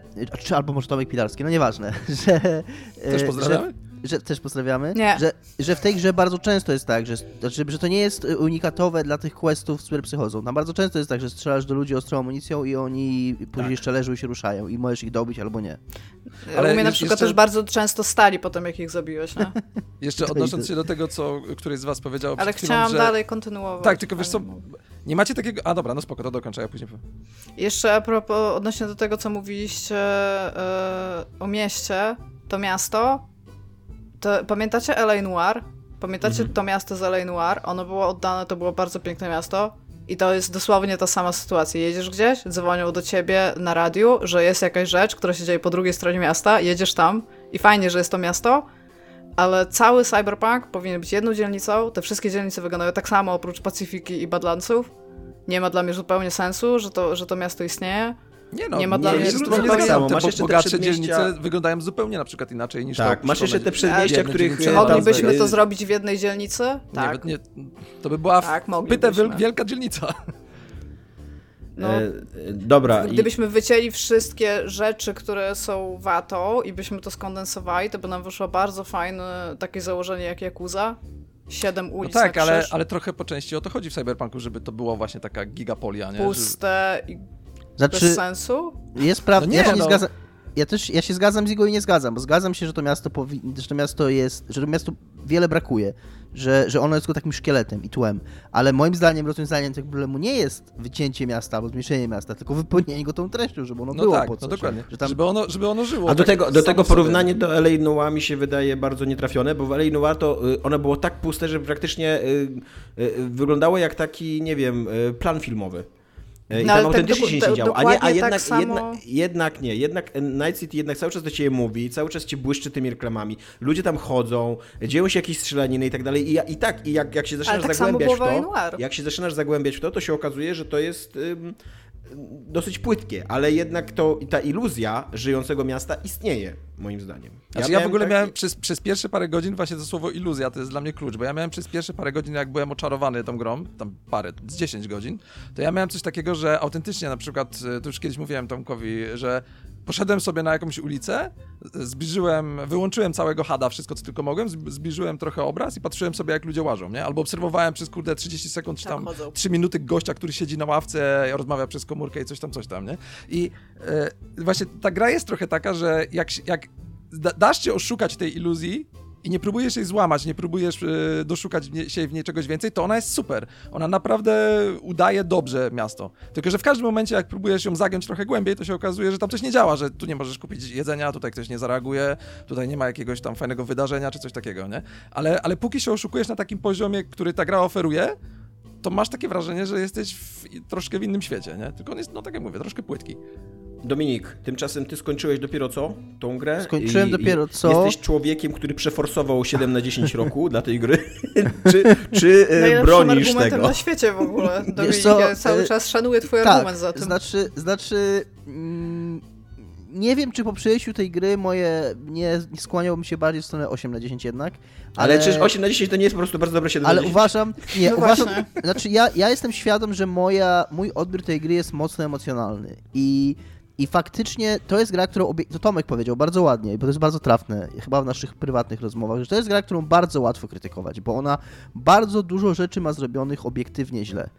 E, e, tak co powiedzieliśmy właśnie, to otwarte miasto, ta, mm, ta, to jak ona bardzo źle komunikuje swoją zawartość, bo to nawet nie jest tak, że w niej brakuje zawartości dobrej albo dobrych questów, tylko ona fatalnie jej komunikuje, ona w ogóle nie ma, ten, ten otwarty świat jest totalnie po nic. Yy, Jest, ja nie wiem, czy wspominałem na antenie, ale H Bomber Guy, taki youtuber, którego bardzo lubię, zrobił bardzo dobry materiał o New Vegas, którym wspomina między innymi taką wypowiedź Josha Sawyera, w której mówił, że oni jak projektowali ten świat, to mm, kierowali się taką zasadą, żeby za każdym razem, nieważne gdzie gracz stoi, to widział przynajmniej dwa takie landmarki, takie To e, jakieś podcaście ważne tym. Mhm. Jakieś, a, okej, no i, i, że, i że jak gdzieś tam, jak gdzieś pójdzie, to coś się wydarzy. Że jakby, że gra, że gra ma, powinna prowadzić gracza na, na to, co jest w niej najlepsze. Że nie powinien grać mu się, nie, gracz nie powinien wkładać wysiłku w wykopywanie z gry to, co jest w niej dobrego. No to Cyberpunk w ogóle nie umie tego robić. Cyberpunk zarzuca cię mnóstwem tych wykrzykników i nawet, ja, nawet, y, on nie tyle, że nawet nie umie cię poprowadzić jakoś naturalnie przez świat do czegoś ciekawego, ale nawet tymi wykrzyknikami cię nie potrafi poprowadzić, bo jedne znaczą to, drugie znaczą co innego. Więc on ma mnóstwo takich, takich i mógłbym, każdy z nas mogłoby, jak już wy robiliście, mówić o wadach tej gry. Natomiast y, koniec końców mam pozytywne odczucia i, i to są takie pozytywne odczucia, które, które ciężko wybronić w dyskusji, bo jedyne co mogę powiedzieć pozytywnego, to uważam, że ta gra jest dobrze napisana, y, że, ma, że autentycznie nawet, może nie na, na poziomie konstrukcji fabuły, bo tak jak Iga powiedziała, ten pacing kuleje również z powodów takich poszat- poszatkowania tego wszystkiego. Ja bym, Dominiku, a czy nie powiedziałbyś, że ona jest po prostu bardzo dobrze wyprodukowana, jeżeli chodzi o te sceny? Bo te, te ale- dialogi takie Wiesz co, ja No mam... ale w każdym... Ja- ci ja- skończyć, przepraszam. I, I moim zdaniem jest dobrze napisana. W sensie, y, ja czuję, ja, ja bardzo się wkręcam w takie, w y, w coś takiego, mm, żeby zacząć wierzyć w to, że też o tym wiele razy mówiłem, że te postacie istnieją naprawdę, no to bardzo szybko te, te, wierzyłem w te postacie. Wierzyłem w ich emocje, wierzyłem w to, co one przeżywają, to, co one mówią, to, co się z nimi dzieje. Bardzo mi zapadło w pamięć i teraz mi powiecie, bo wy jesteście e, e, bardziej oczytani niż ja i, i mądrzejsi, więc to na pewno CD Projekt tego nie wymyślił, ale mm, bardzo często do mnie wraca to, co Misty powiedziała, że sen jest małym misterium śmierci. Y, I strasznie mi się spodobał ten tekst i bardzo dużo o nim myślałem i, i uważam, że, mm, że, że jakby to, że w ogóle nawet jeżeli w grze się pojawiła taka jakaś jedna myśl, która, która wraca do mnie i, i która jakoś tam która jakoś tam kojarzy z tą grą, to to już jest dużo, ale to jest w zasadzie jedyne, co mogę obiektywnie powiedzieć, co, co uważam, że jest dobrze zrobione w tej grze. Natomiast y, reszta jest, tak, mam taki, taki trochę emocjonalny stosunek do niej, że po prostu mi siadło i ja się dobrze bawiłem i dobrze wspominam ten czas. I tak jak Tomek i, i Szymon, chciałbym, żeby ona była poprawiona y, i żeby, i żeby działała lepiej, tak żebym mógł wrócić i, i jakby nie czuć się, y, jakby nie musi, nie, nie czuć taki, bo to jest taka potrzeba trochę mm, przez to, że długo piszę o grach zawodowo, to tak nawet czuję się trochę źle z tym, że tak lubię tę grę, bo mam wrażenie, że nie powinienem, że jakby, że jakby grzeszę w ten sposób, że jakby sprzeniewierzam się e, prawdzie, e, ale no lubię No niedługo będziesz musiał oddać swoją odznakę recenzenta przez ja to. to akurat rozumiem, bo Dominik tutaj y, y, dotyka takiego punktu, że ja, ja, ja miałem szczęście grać na dobrym PC w tą grę i nadal, nadal mam niedużo do zarzucenia, co nie? A jednocześnie są miliony ludzi na całym świecie, którzy nie mieli szczęścia grać na dobrym sprzęcie w tą grę. I trochę ja, też czuję takie poczucie winy, że ja mówiąc o tej grze dobrze, trochę nie doceniam tego, jak wiele ludzi, jak bardzo źle ją odebrało z, z nie swoich przyczyn zupełnie, nie z, z powodu jakby CD Projektu, że, że moje chwalenie tej gry jest trochę wybielaniem CD, z tego, co zrobił CD Projekt, nie? To ja mam to E, samo w związku z tym ich ograniczaniem e, dziennikarzy, nie? że za każdym razem jak chwalę tą grę i nawet jak się do, dobrze w nie bawię, to gdzieś z tyłu głowy mam, ale pamiętaj, że oni tam zabronili dziennikarzom Natomiast, swoje filmy. tak, nie? natomiast ja też jeszcze powiem, że ja też byłem jednym z tych ludzi, którzy grali na chyba najgorszym sprzęcie, na jakim się w ogóle da grać w tą grę, czyli na Xboxie One. E, I, i, I miałem szczęście. No, wiemy też e, z różnych źródeł, że, że mm, wśród różnych, różnych problemów, jakie CD Projekt ma z tą grą, jednym z nich jest to, że ona potrafi działać bardzo różnie, nawet na takim samym sprzęcie. Że, że nawet Xbox One 1 nie jest równy drugiemu, to więc być może po prostu miałem szczęście do, do mojego Xboxa One, Ale że... też miałeś takie umiarkowane szczęście, no bo koniec końców ta gra zniechęciła cię do tego, żeby Tak, ukończyć znaczy ona- ona działa- nie? ona działała mi przyzwoicie, jeżeli chodzi o performance. Znaczy tam wiadomo, że jak na cyberpunka, ale dało się grać. Natomiast po tych 50 godzinach y, w pewnym momencie miałem dwa krasze w ciągu godziny y, i, i w tym momencie stwierdziłem, że kurde, poczekam po prostu. A w międzyczasie właśnie wypróbowałem stadię, zacząłem grać na stadii. Na stadii miałem 70 godzin grałem, miałem jednego crasha takiego i to jak mówiłem, trochę była to moja wina. Więc, y, więc, więc pod tym względem tak. No ale, ale to, no, to tyle ode mnie. Dominiku, a co jest grane u ciebie? Y, Poza synem, do którego wróciłem. y, Po, po moich 120 godzinach Cyberpunka, tak jak y, grałem tego Cyberpunka i dobrze mi się w niego grało, to, to pamiętacie, że mówiłem wam, że już nie mogę się doczekać, aż, mm, aż wrócę, aż skończę tego Cyberpunka i zagram w jakieś małe gry, że mam już taki przesyt tych open worldów. A Tomek powiedział tak, tak. I To tak ja to pewno- powiedziałam, ale ty też A, to okej. powiedziałeś. że tak, tak, na pewno będziesz grał w Valhalla dalej. No i tak to się stało, gram w Valhalla dalej. Również takiego poczucia, że no, jakby muszę ją skończyć, ale zanim zacząłem grać w Valhalla, to przeszedłem inną grę, o której Iga już mówiła jest to Donut County, e, która jest w Game Passie i jest to bardzo sympatyczna, bardzo, tak. fajna, bardzo miła giereczka, którą bardzo polecam. To jest taka gra na jedno posiedzenie, tam godzina, może półtorej godziny, która jest śmieszna, która jest fajnie napisana, która jest fajnie przetłumaczona, to się przy okazji fajnie po polsku czyta.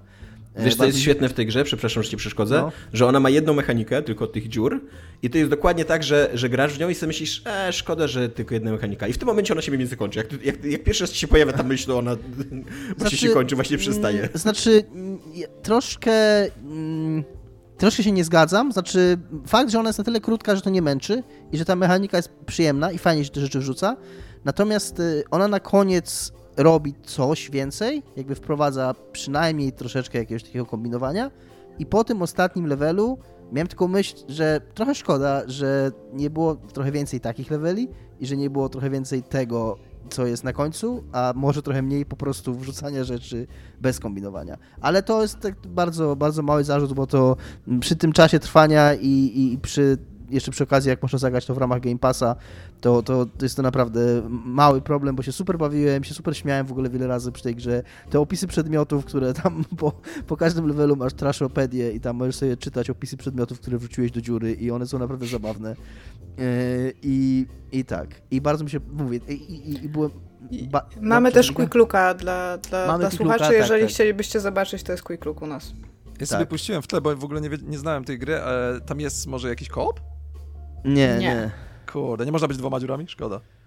Nie, ale to nawet było ciężko, bo tam w zasadzie nie ma żadnego... Tam nie ma żadnego... No możesz być dwoma dziurami, jak chcesz. Realizuj się jakby tam śmiało, Szymon, co nie?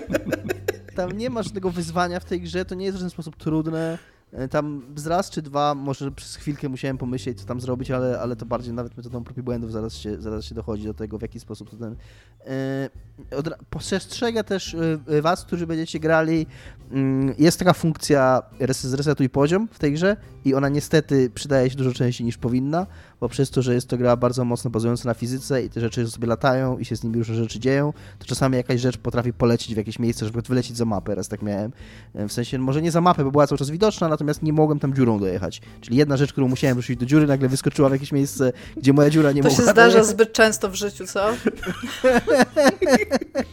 Jest, są zbyt łatwe dowcipy związane z tą grą. ale też, ale też jest, to też jest fajne, że gra sobie zdaje sposób z tego. Może nie myśli o tym zaem, o czym wy myślicie, ale, ale na przykład jak ten shop jak, jak, ta, jak ten shop na początku stwierdza w odpowiedzi na to, że ktoś odpowiada, że ta twoja historia ma trochę za dużo dziur. Y, więc to są takie, są takie jakby jest, jest, jest śmieszne i, i naprawdę, naprawdę polecam, jako taki właśnie, żeby sobie usiąść i w godzinkę zrobić. Super się bawię. Ona na koniec mówi po poziomie have a garbage day, jakie urocze. Tak. No, tak swoją drogą zamówiłam sobie ostatnio cztery pączki donaty i I regret nothing. Dobrze. Polecam dobrze. zamówić sobie raz na miesiąc kilka pączków i zażreć to ryjem. Nie bałaś się, nie bałaś się, że... Nie bałaś się, że jak zamówisz pączka, to przyleci dziura i wszystko zje? Nie, nie, po prostu chciałam mieć jakieś 7000 kalorii w ryju. Zadać wszystkie naraz, tak? E, nie, ale zjadłam wszystkie. Dobra. Wracając do Cyberpunka 2077. O czym jest Cyberpunk? Czy jest w ogóle o czymś? Czy nie jest bełkotliwy, pusty i tak dalej? Jak myślimy? Wiem, że Dominik ma przemyślenia na ten temat, więc go Dominik pierwszy już. Tak, znaczy ja, y, mi to zajęło dosyć długo y, i uważam, że jest ta gra o czymś. Ona niestety, to o czym ona jest, mocno ginie w, w szumie i w tych wielu rzeczach, które ona próbuje robić. Ginie też w tym, y, czym ona wydaje się, że o czym będzie, a o czym nie jest, bo ona bardzo dużo tak powierzchownie mówi o korporacjach, o kapitalizmie, w tych mailach, w tych questach mm, i jakby przez to, że ona tak powierzchownie mm, rzuca te tematy, to ty myślisz, że ona o tym będzie, a ona ani trochę o tym nie jest. I też wbrew temu, co mówiono przed y, i w trakcie kampanii promocyjnej czy w wywiadach, że ona będzie polityczna, ona jest bardzo powierzchownie polityczna jakby w ogóle nie idzie fabularnie w tym kierunku. Natomiast y, to, o czym ona jest mm, i też bardzo ładny materiał, który bardzo polecam y, z kanału Writing on Games, y, który, który to zauważa i ja to też zauważyłem w tym samym momencie, w którym on, czyli w questie z Johnem, w tej nitce z Johnem, jak, jak zbierasz członków jego zespołu, żeby, żeby odtworzyć, żeby zagrać jeszcze jeden koncert. I moim zdaniem, jakby jeżeli ta gra o czymś jest, to jest o o, o tym, co po nas zostaje. I jakby czy to jest ważne, czy coś po nas zostaje, czy warto się poświęcać, żeby coś dla nas po nas zostało, czy nie warto i na ile jakby warto o to walczyć. I ona o tym jest dosyć, to pytanie, które ci Dexter Deshawn y, przed, pierwszą, y, przed pierwszym gigiem zadaje, czy wolisz umrzeć spokojnie w starości, czy odejść w, w, tam w płomieniach chwały, to jest moim zdaniem centralne, dużo bardziej centralne pytanie dla tej gry, niż się wydaje na początku.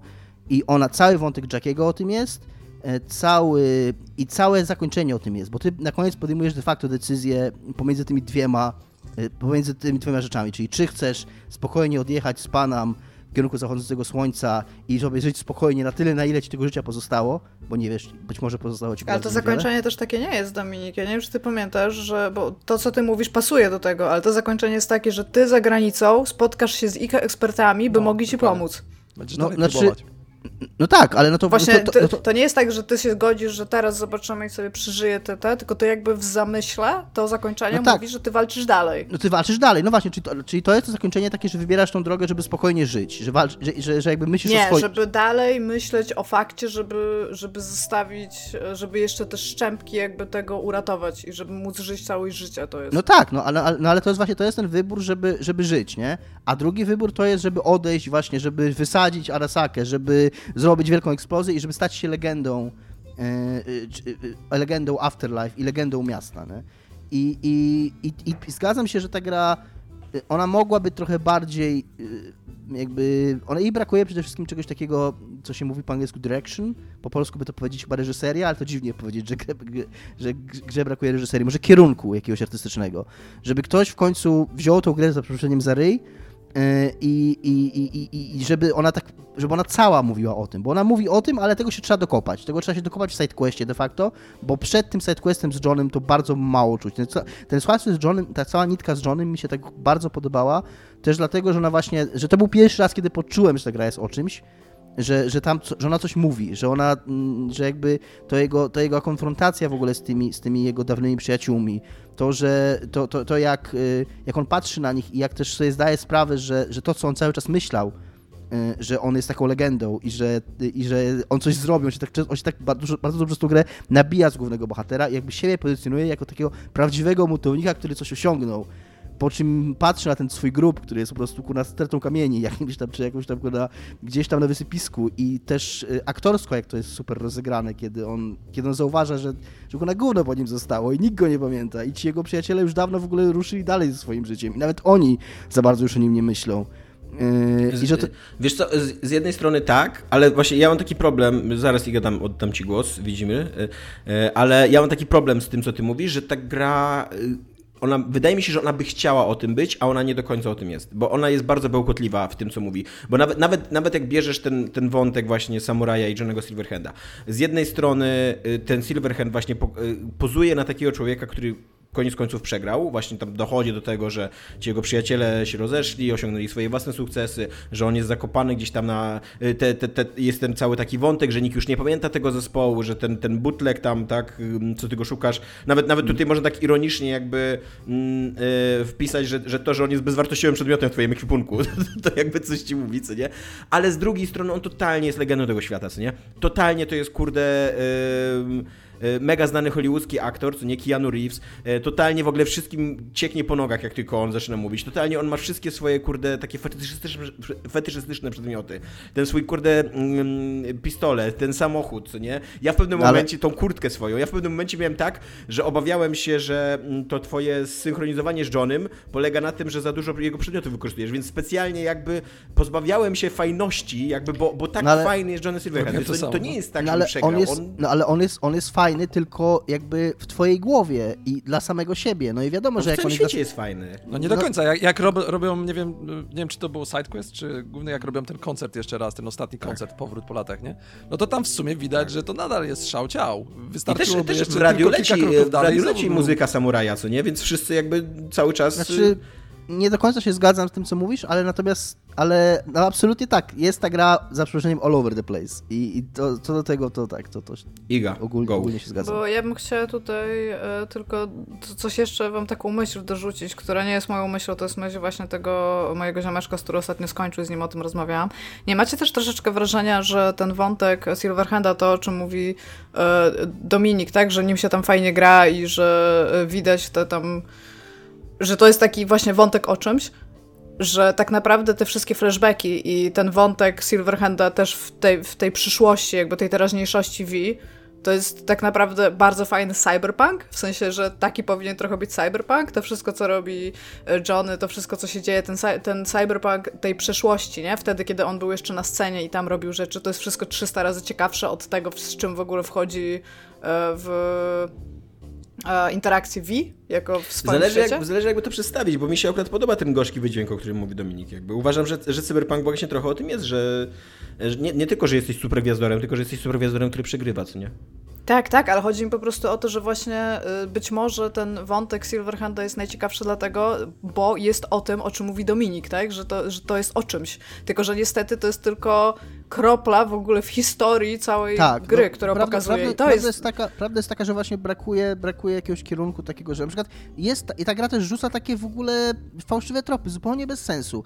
Cały ten wątek z politykami, e, Tak. którym Tak. pomagasz, on jest super ciekawy, jak go rozgrywasz i się wydaje, i tak myślisz sobie, o kurna, To jest- będą się działy rzeczy i to jest taki red herring na koniec, to do nikąd nie prowadzi, to w ogóle nie jest, to jest, nie jest w żaden sposób byłby- powiązane. Ale w ogóle Ale nie, mieli, jest- nie to mieliście jest- to takiego uczucia, jest że, bardzo- że w ogóle wiele questów w tej grze jest jakby Tak. takich sztucznie uciętych? Że to, tak jakby tam ktoś chciał jeszcze coś dopisać? No, nie ale wiem, ten jest, ten jest czasu, wybitnie, bo ten ci jeszcze, ten ci quest w Tak, ogóle ten się sugeruje, że tam, jest jakaś, że tam jest jakaś potężna sztuczna inteligencja, Tak, która, tak. która tym manipuluje.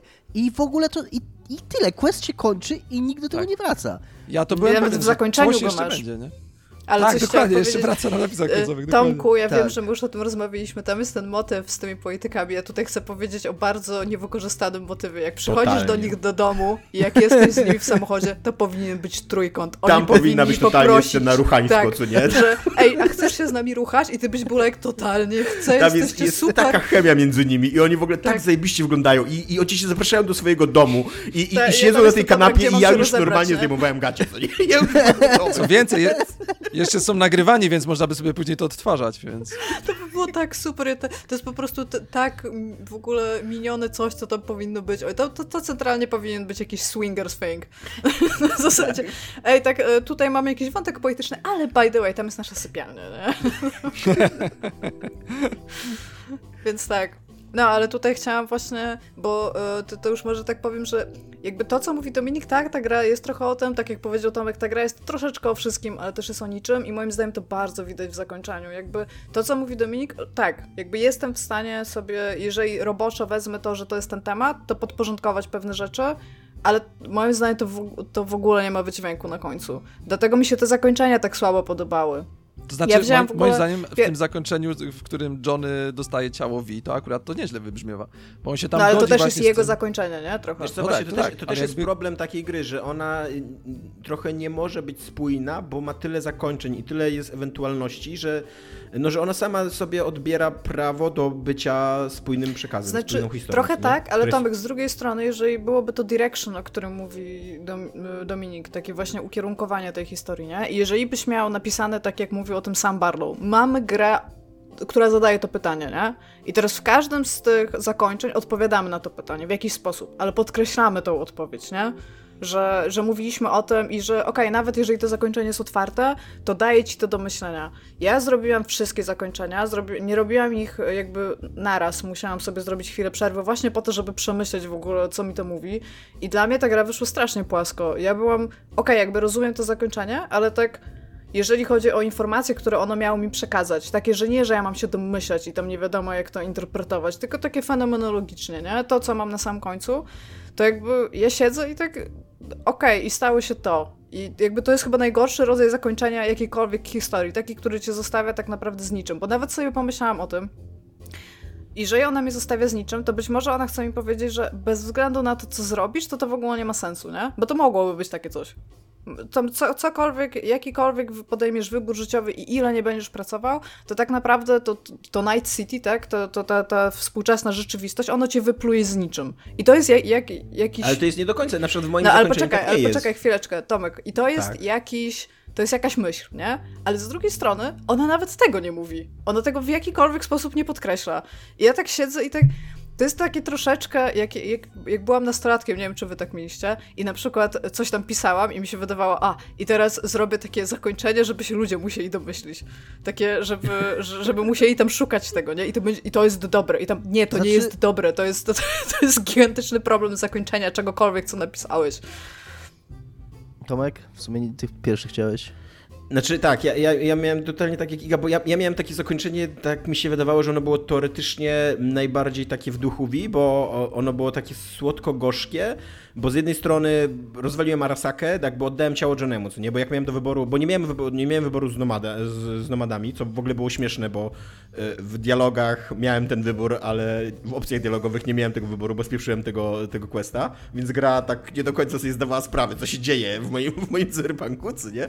No ale nie miałem tego wyboru miałem, de facto miałem do wyboru albo zaufać Arasace, albo zaufać Johnemu, nie? To jest, w obu tych sytuacjach jest to chujowy wybór, albo strzelić sobie w łeb, no nie?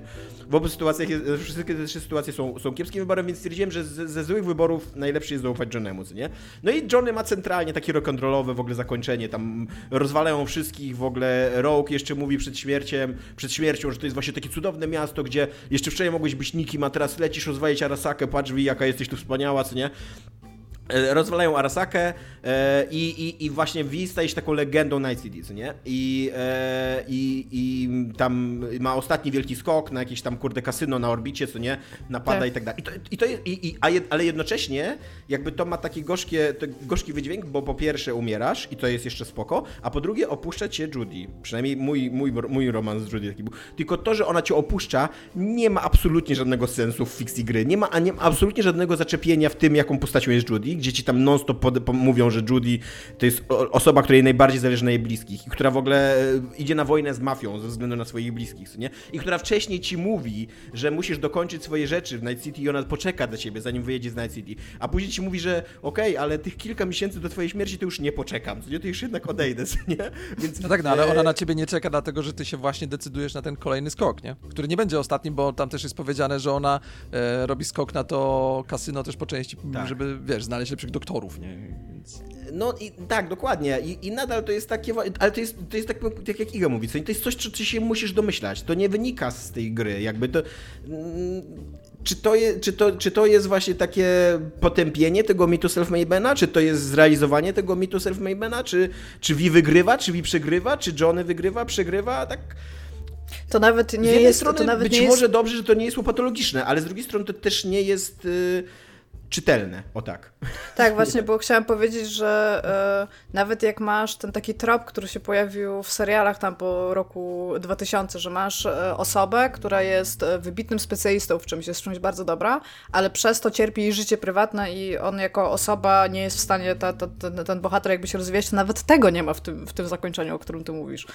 Więc... Y, mi się najbardziej podobało to zakończenie ze sobie w web właśnie do tego, że ono miało jakiś przekaz, tak? Że oni usiedli i o tym porozmawiali. Ten dialog na końcu z Johnem realnie daje ci jakąś on, on, mówi, że on rozumie, on mówi, że on totalnie się na to godzi i oni dochodzą do jakiegoś konsensusu tutaj, tak? I to jest właśnie zakończenie, które ci mówi, moim zdaniem, ilekolwiek byś nie zrobił, to być może to jest, to jest wyjście, nie? Jesteś w stanie coś takiego za zamknąć jakby ten rozdział. To było bardzo męczące wszystko, co się działo i teraz jesteś w stanie powiedzieć, dobra, I'm through, tak? Jest, to, to, to jest tam, I'm out. Przepraszam, fan jest, fan jest ten fragment, jak Johnny mówi, że ja bym to zrobił inaczej, ale w sumie okej, okay, rozumiem, możemy, możemy to tak rozegrać i później sobie strzelasz w łeb. To jest bardzo ludzkie Nawet spoko. w ogóle. No, e, ja bym chciał tylko, bo tak, pod, pod względem tej, tej wymowy ja się zgadzam, że tak, tak, zgadzam się z Dominikiem, że ta gra próbuje o tym być. Moim zdaniem nie do końca jej wychodzi, ale zgadzam się, że próbuje. Jednocześnie sugeruje, że jest o milionie innych rzeczy, a w ogóle o niej nie jest. Nie jest to antykapitalistyczna gra, jest w ogóle parodią jest jej antykapitalizm, nie? Nie jest to antykorporacyjna gra, nie jest to gra o w ogóle niebezpieczeństwach cyber, cyberszczepów, tak jak mówiliśmy, ta cyberpsychoza jest zupełnie gdzieś obok, co nie? O transhumanizmie to w ogóle nie jest gra i, i, i, i tak dalej, i tak dalej. To nawet nie Ale... jest gra o sieci, a tak. nie o e, no, to, akurat, to akurat jest dosyć uzasadnione, że to nie jest gra o sieci, bo tam się internet inaczej rozwinął, nie? Jakby w tym świecie.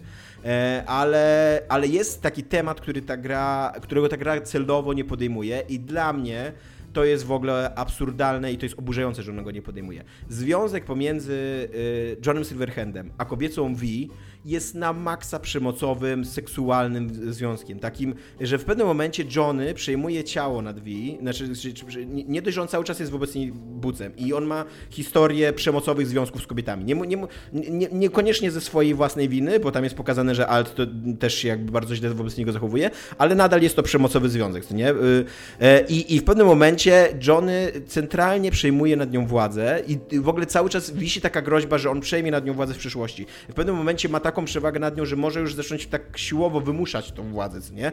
I, i w pewnym momencie on przejmuje nad nią władzę, wykorzystuje jej ciało do celów seksualnych, oznacza je tatuażem, jakby centralnie, jakby jak jak spo- spojrzysz na to, co tam się dzieje w tej scenie, co nie? I, i zdasz sobie sprawę, że to jest mężczyzna, który robi coś z ciałem kobiety, co nie? I ta gra w ogóle tego nie, w ogóle się do tego nie odnosi, ani na moment, co nie? Jakby, jakby w ogóle twórcy nie zdali sobie sprawy, co ci pokazali, co za scenę ci pokazali. Tam w ogóle te postacie w ogóle nawet nie, nie, nie rozmawiają ze sobą na ten temat, nie? W sensie, no Vi jest wkurzona przez trzy linie dialogowe. Tak, dokładnie. I później temat znika. Ale też nie do końca mówi o co, dlaczego jest wkurzony, jakby, jak, jaki jest, jaka jest głębia tego, jak złe to się wydarzyło, Tak, tak, nie? I jak, tak.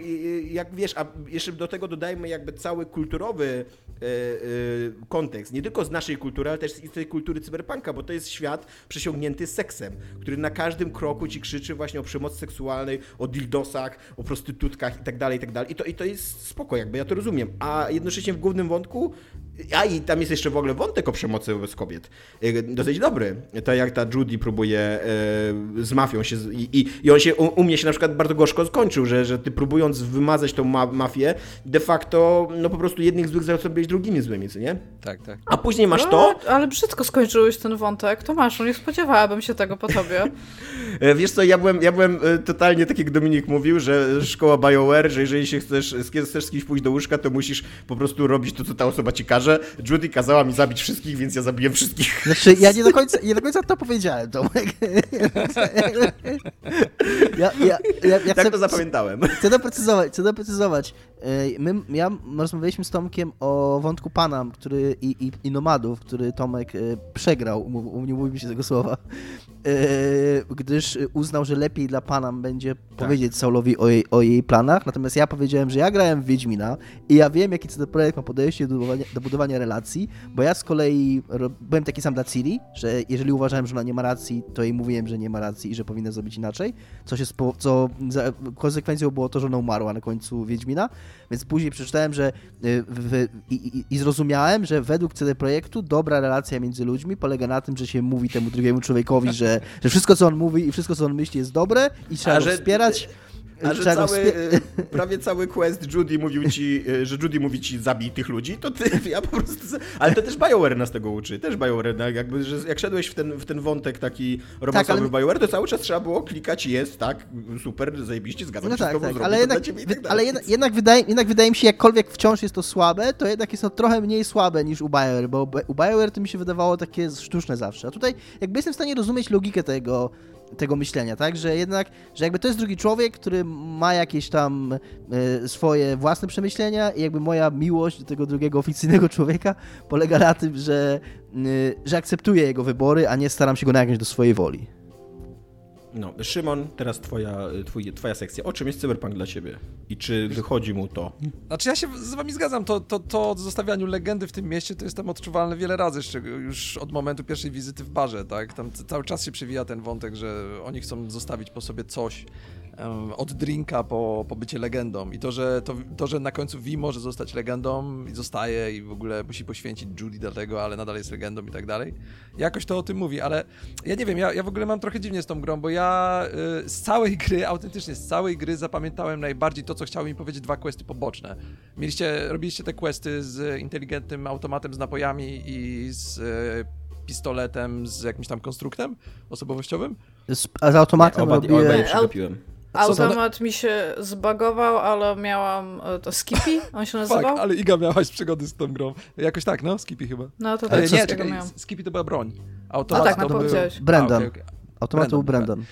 I ja w ogóle z całej gry najbardziej zapamiętałem przesłanie tych dwóch questów, bo to były questy, które miały bardzo konkretne przesłanie, mówiące o tym, jak traktujemy martwe przedmioty i jak tylko troszkę nadamy im jakieś tam osobowości czy cech ludzkich, to one nam się wydają od razu e, ludzkie, nawet jeśli takie nie są, bo tam e, spoiler alert, ten, ten automat z napojami on wcale nie jest e, samoświadomy, tylko po prostu ma jakąś tam sztuczną inteligencję, która dobrze udaje świadomość, tak?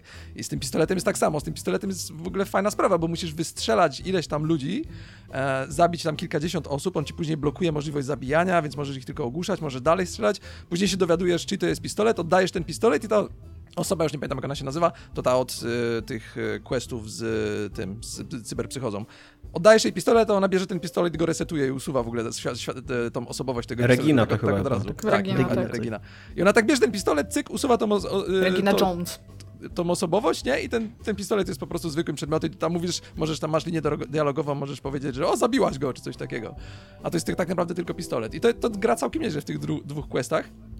A z całości gry właśnie przez to, że ona właśnie jest taka, jak powiedzieliście, all, all over the place, to, to bardzo ciężko mi było wynieść jakieś takie konkretne, jedno fajne, fajne przesłanie. No to zostawianie legendy tam było, tylko że to było takie to powinno na końcu po prostu zagrać lepiej. To powinno być. E, e, chyba najlepiej, mi się wydaje, że chyba najlepiej gra w tym zakończeniu Johnego, gdy on się godzi z tym, że nie jest tą legendą, że, że musi to porzucić, e, że tam jakoś się rozwinął, powiedzmy, że mu to nie jest już potrzebne, że tam zagrał sobie chwilę na gitarze, ją odkłada i, i, i wyjeżdża sobie, tak?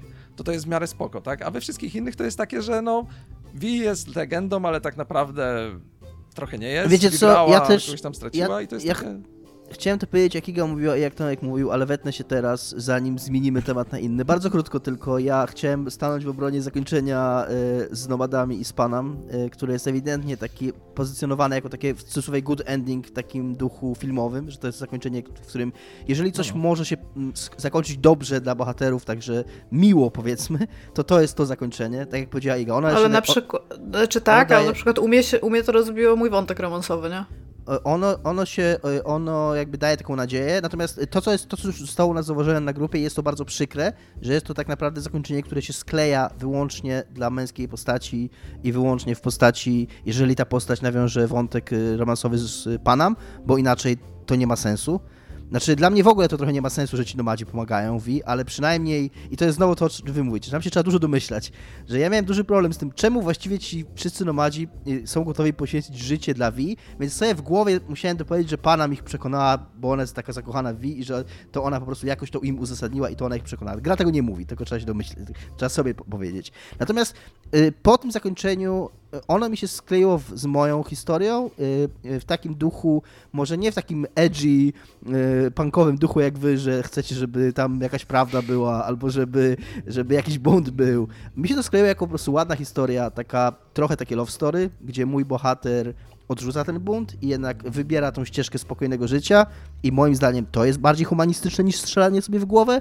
Yy, że on jednak stwierdza, że ten... Nigdy, że te, nigdy Dominik. Że te wszystkie mrzonki o właśnie o zostawianiu legendy i że ten bunt, który próbował zrobić Johnny, że to wszystko jest fałsz i że to wszystko mm, tak naprawdę na koniec yy, nie ma żadnego znaczenia i że lepiej jest przeżyć ostatni miesiąc dając szczęście komuś na ten miesiąc nawet, niż y, myśleć o jakichś takich mrzonkach i ten. I według mnie to jest spoko i to mi się skleiło, natomiast też uważam, że oczywiście mm, jest wiele problemów z tym i y, ja musiałem w ogóle, moje doświadczenie całe z tą grą było takie, że miałem wrażenie, że ja muszę tej grze bardzo dużo dać od siebie, żeby tak, coś, żeby, żeby tak. coś, o, więc ja bardzo dużo heavy lifting takiego musiałem zrobić, ale mi się tak, to skleiło tak. na koniec.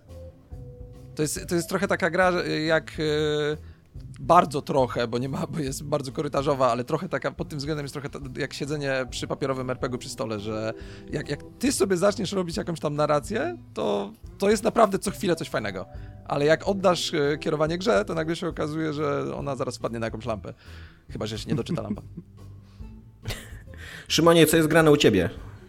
E, jako, że Dominik mówił 5 minut, a e, Iga 25, e, to ja postaram się powiedzieć w 10 minut o dwóch filmach, co wy na to, tak na szybko. Mam dwa filmy, ja chcę powiedzieć o dwóch, ponieważ dwa reprezentują, reprezentują pewien fajny trend, który się dzieje teraz w popkulturze. Mianowicie taki, że daje popkultura, szczególnie ta hollywoodzka, zaczyna dawać trochę więcej głosów ko kobietom i zaczyna mówić o e, jakichś tematach ważnych dla, dla, dla, kobiet. I pierwszy z takich filmów, który widziałem. Rodzenie jest, dzieci. E, no, tak, dokładnie. Rodzenie dzieci, to, że powinny kuchnia, się gotować. Kuchnia, tak, kuchnia tak, dokładnie. Ważne, no. dokładnie o tym mówię, dokładnie tak. E, A nie podcasting giga. A nie podcasting i giereczki.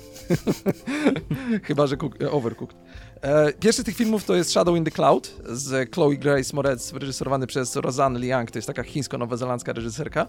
I to jest taki film, który jest e, połączeniem strefy mroku, niesamowitych historii Stevena Spielberga, e, po części słuchowiska radiowego i jeszcze na, na, na deser jeszcze Alienców. To jest film, w którym e, główna bohaterka grana przez Chloe Grace Moretz wchodzi na pokład w czasie II wojny światowej, na pokład e, myśliwca, znaczy nie myśliwca, tylko fortre, fortecy takiej latającej B-17. Ma ze sobą jakąś tajną paczkę, którą musi przewieźć z Nowej Zelandii do Samoły. Mm, no i tam trafia na, na grupkę takich facetów, którzy są totalnymi seksistami, w ogóle tam sprowadzają do, ją do poziomu przedmiotu, w ogóle tam nie chcą jej słuchać i tak dalej. Mm, I to jest super mega dziwny film, bo jak się obejrzy jego trailer, co odradzam, bo on pokazuje generalnie cały film, szczególnie od, od strony akcji, to ma się wrażenie, że to jest taki beznadziejny film klasy B, z jakimś takim wątkiem e, lekko fantastycznym, lekko horrorowym, chociaż straszny nie jest. E, a tak naprawdę to jest film, który udaje e, bardzo dobrze film klasy B. Korzysta na maksa z takiej stylistyki synth-wave'owej, szczególnie w muzyce, ale też trochę w oprawie wizualnej. I całkiem fajnie właśnie mówi o jakiejś sile kobiet. Ona tam przez pierwszą połowę tego filmu, bo to jest w miarę niskobudżetowy film, więc oni tam musieli trochę oszczędzać, przez pierwszą połowę tego filmu ta bohaterka jest oddzielona od innych postaci, jest zamknięta w takim działku, który jest pod podwieszone pod tą latającą fortecą. Mm, e, I przez dobrą godzinę mamy coś takiego trochę na wzór jakiegoś słuchowiska radiowego. Ona się kontaktuje z nimi tylko przez słuchawki, słyszy część ich rozmów, jak, oni się wypowiadają, o niej, ale też później się z nimi kłóci. Później się tam zaczynają dziać różne shenanigansy mniej lub e, bardziej ciekawe.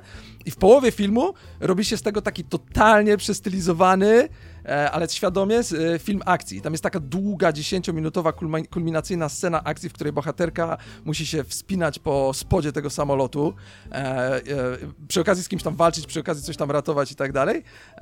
I to jest tak zarąbiście dobrze stylistycznie zrobione. Kadry zaczynają się obracać do góry, do góry, do góry nogami. Ten synthwave zaczyna tam wchodzić tak na maksa, na, na, na 200%. Że że cały ten film trochę się ogląda jak taką nierealistyczną e, fantazję na temat właśnie e, trochę II wojny światowej, trochę właśnie takiej historii w stylu strefy mroku i z, z całą masą właśnie takiego women power. Na samym końcu tego filmu bohaterka już jest po prostu tak wypasioną, silną kobietą, że ona tam w przeciągu dosłownie 3,5 Ale... minuty czy 4 minut zakończenia filmu. Czyli ona leveluje w trakcie, tak? Tak, ona leveluje, totalnie. Z takiej mało ciekawej postaci na końcu I ona czy jest, czy jest, no dosłownie jest, to jest dosłownie, patrzył, dosłownie wiem, wypasiona? z Aliena albo Sarah Connor. Ona robi w przeciągu 3,5 minuty coś tak totalnie... Yy, silnego fizycznie i w ogóle takiego badassowego, pokazującego wszystkim facetom, że oni niech sobie teraz stoją z boku, ona się zajmie, a później robi coś tak totalnie stuprocentowo kobiecego, czego nie jest w stanie zrobić Rodzi dziecko? Rodzi dziecko? Nie chcę ten... Prawie, że, prawie, że, prawie, że, jesteście blisko, tak. I na końcu dosłownie ostatnie ujęcie w tym filmie jest skadrowane i podświetlone w taki sposób, żeby ta kobieta wyglądała trochę nawet jak Matka Boska. Więc tam jest naprawdę taki over stylized wszystko. Wszystko to jest takie na maksa prze, przestylizowane, ale to jest zrobione naprawdę, naprawdę dobrze. Że masz wrażenie, że oglądasz coś, co ktoś po prostu miał, e, ta pani reżyser miała, miała jakiś pomysł na to i ten pomysł, ten pomysł się udało zrealizować. To się ogląda właśnie jak takie strefę mroku, niesamowite historie Musisz... z za, zacięciem feministycznym. Jeszcze Bardzo powtórzyć jeszcze tytuł dla słuchaczy. E, to jest e, Shadow in the Cloud się nazywa. Cień w chmurach. E, tak, Cień w chmurach, tak, tak. E, plus jak lubicie właśnie takie opowieści trochę z jakimś tam elementem fantastycznym i tak dalej, to, to, to polecam, jest naprawdę spoko. A drugi film? A drugi film to jest też film jadący trochę w kierunku właśnie tego tematów bardzo. Mm, nazywa się Promising Young Woman z Carrie Mulligan. I on, to, ten film też wyrysowała kobieta Emerald Fennell. Mm, ona, to, to, jest chyba jej debiut w ogóle reżyserski, co jest całkiem imponujące. Wcześniej głównie była aktorką i chyba scenarzystką i producentką. I to jest e, z kolei revenge movie e, na e, czasy ruchu Me Too. Bo to jest film o kobiecie, która udaje, mm, chodzi do barów, udaje, że jest pijana i mści się na mężczyznach, którzy ją zabierają do domu i chcą zgwałcić. E, I, to, i, to, I oczywiście to jest film o, o, o traumie po, po gwałcie, o systemowym ukrywaniu gwałtu, o także, takiej kulturze boys will be boys, czy tam musimy im to wypaczyć, bo to tam są tylko dzieciaki i tak dalej. Mm, o braku poczuciu odpowiedzialności po, po gwałcie, szczególnie jeśli doszło do niego w, w czasach, gdy się było właśnie tym takim chłopaczkiem tam powiedzmy na studiach i to tam można wszystko wybaczyć. E, I najpierw o tym, co jest złego w tym filmie. To jest, to jest jeden z tych filmów, który teraz e, w związku z e, jakby ruchem mitu i tego typu tematami jedzie na takiej, e, na takim pomyśle, że wszyscy faceci są źli. W tym filmie są tam dwie postaci męskie, które są pozytywne. Jedna jest trochę pozytywna, a druga jest bardzo pozytywna, dlatego że się przyznaje do błędu, przeprasza i tak dalej, tak?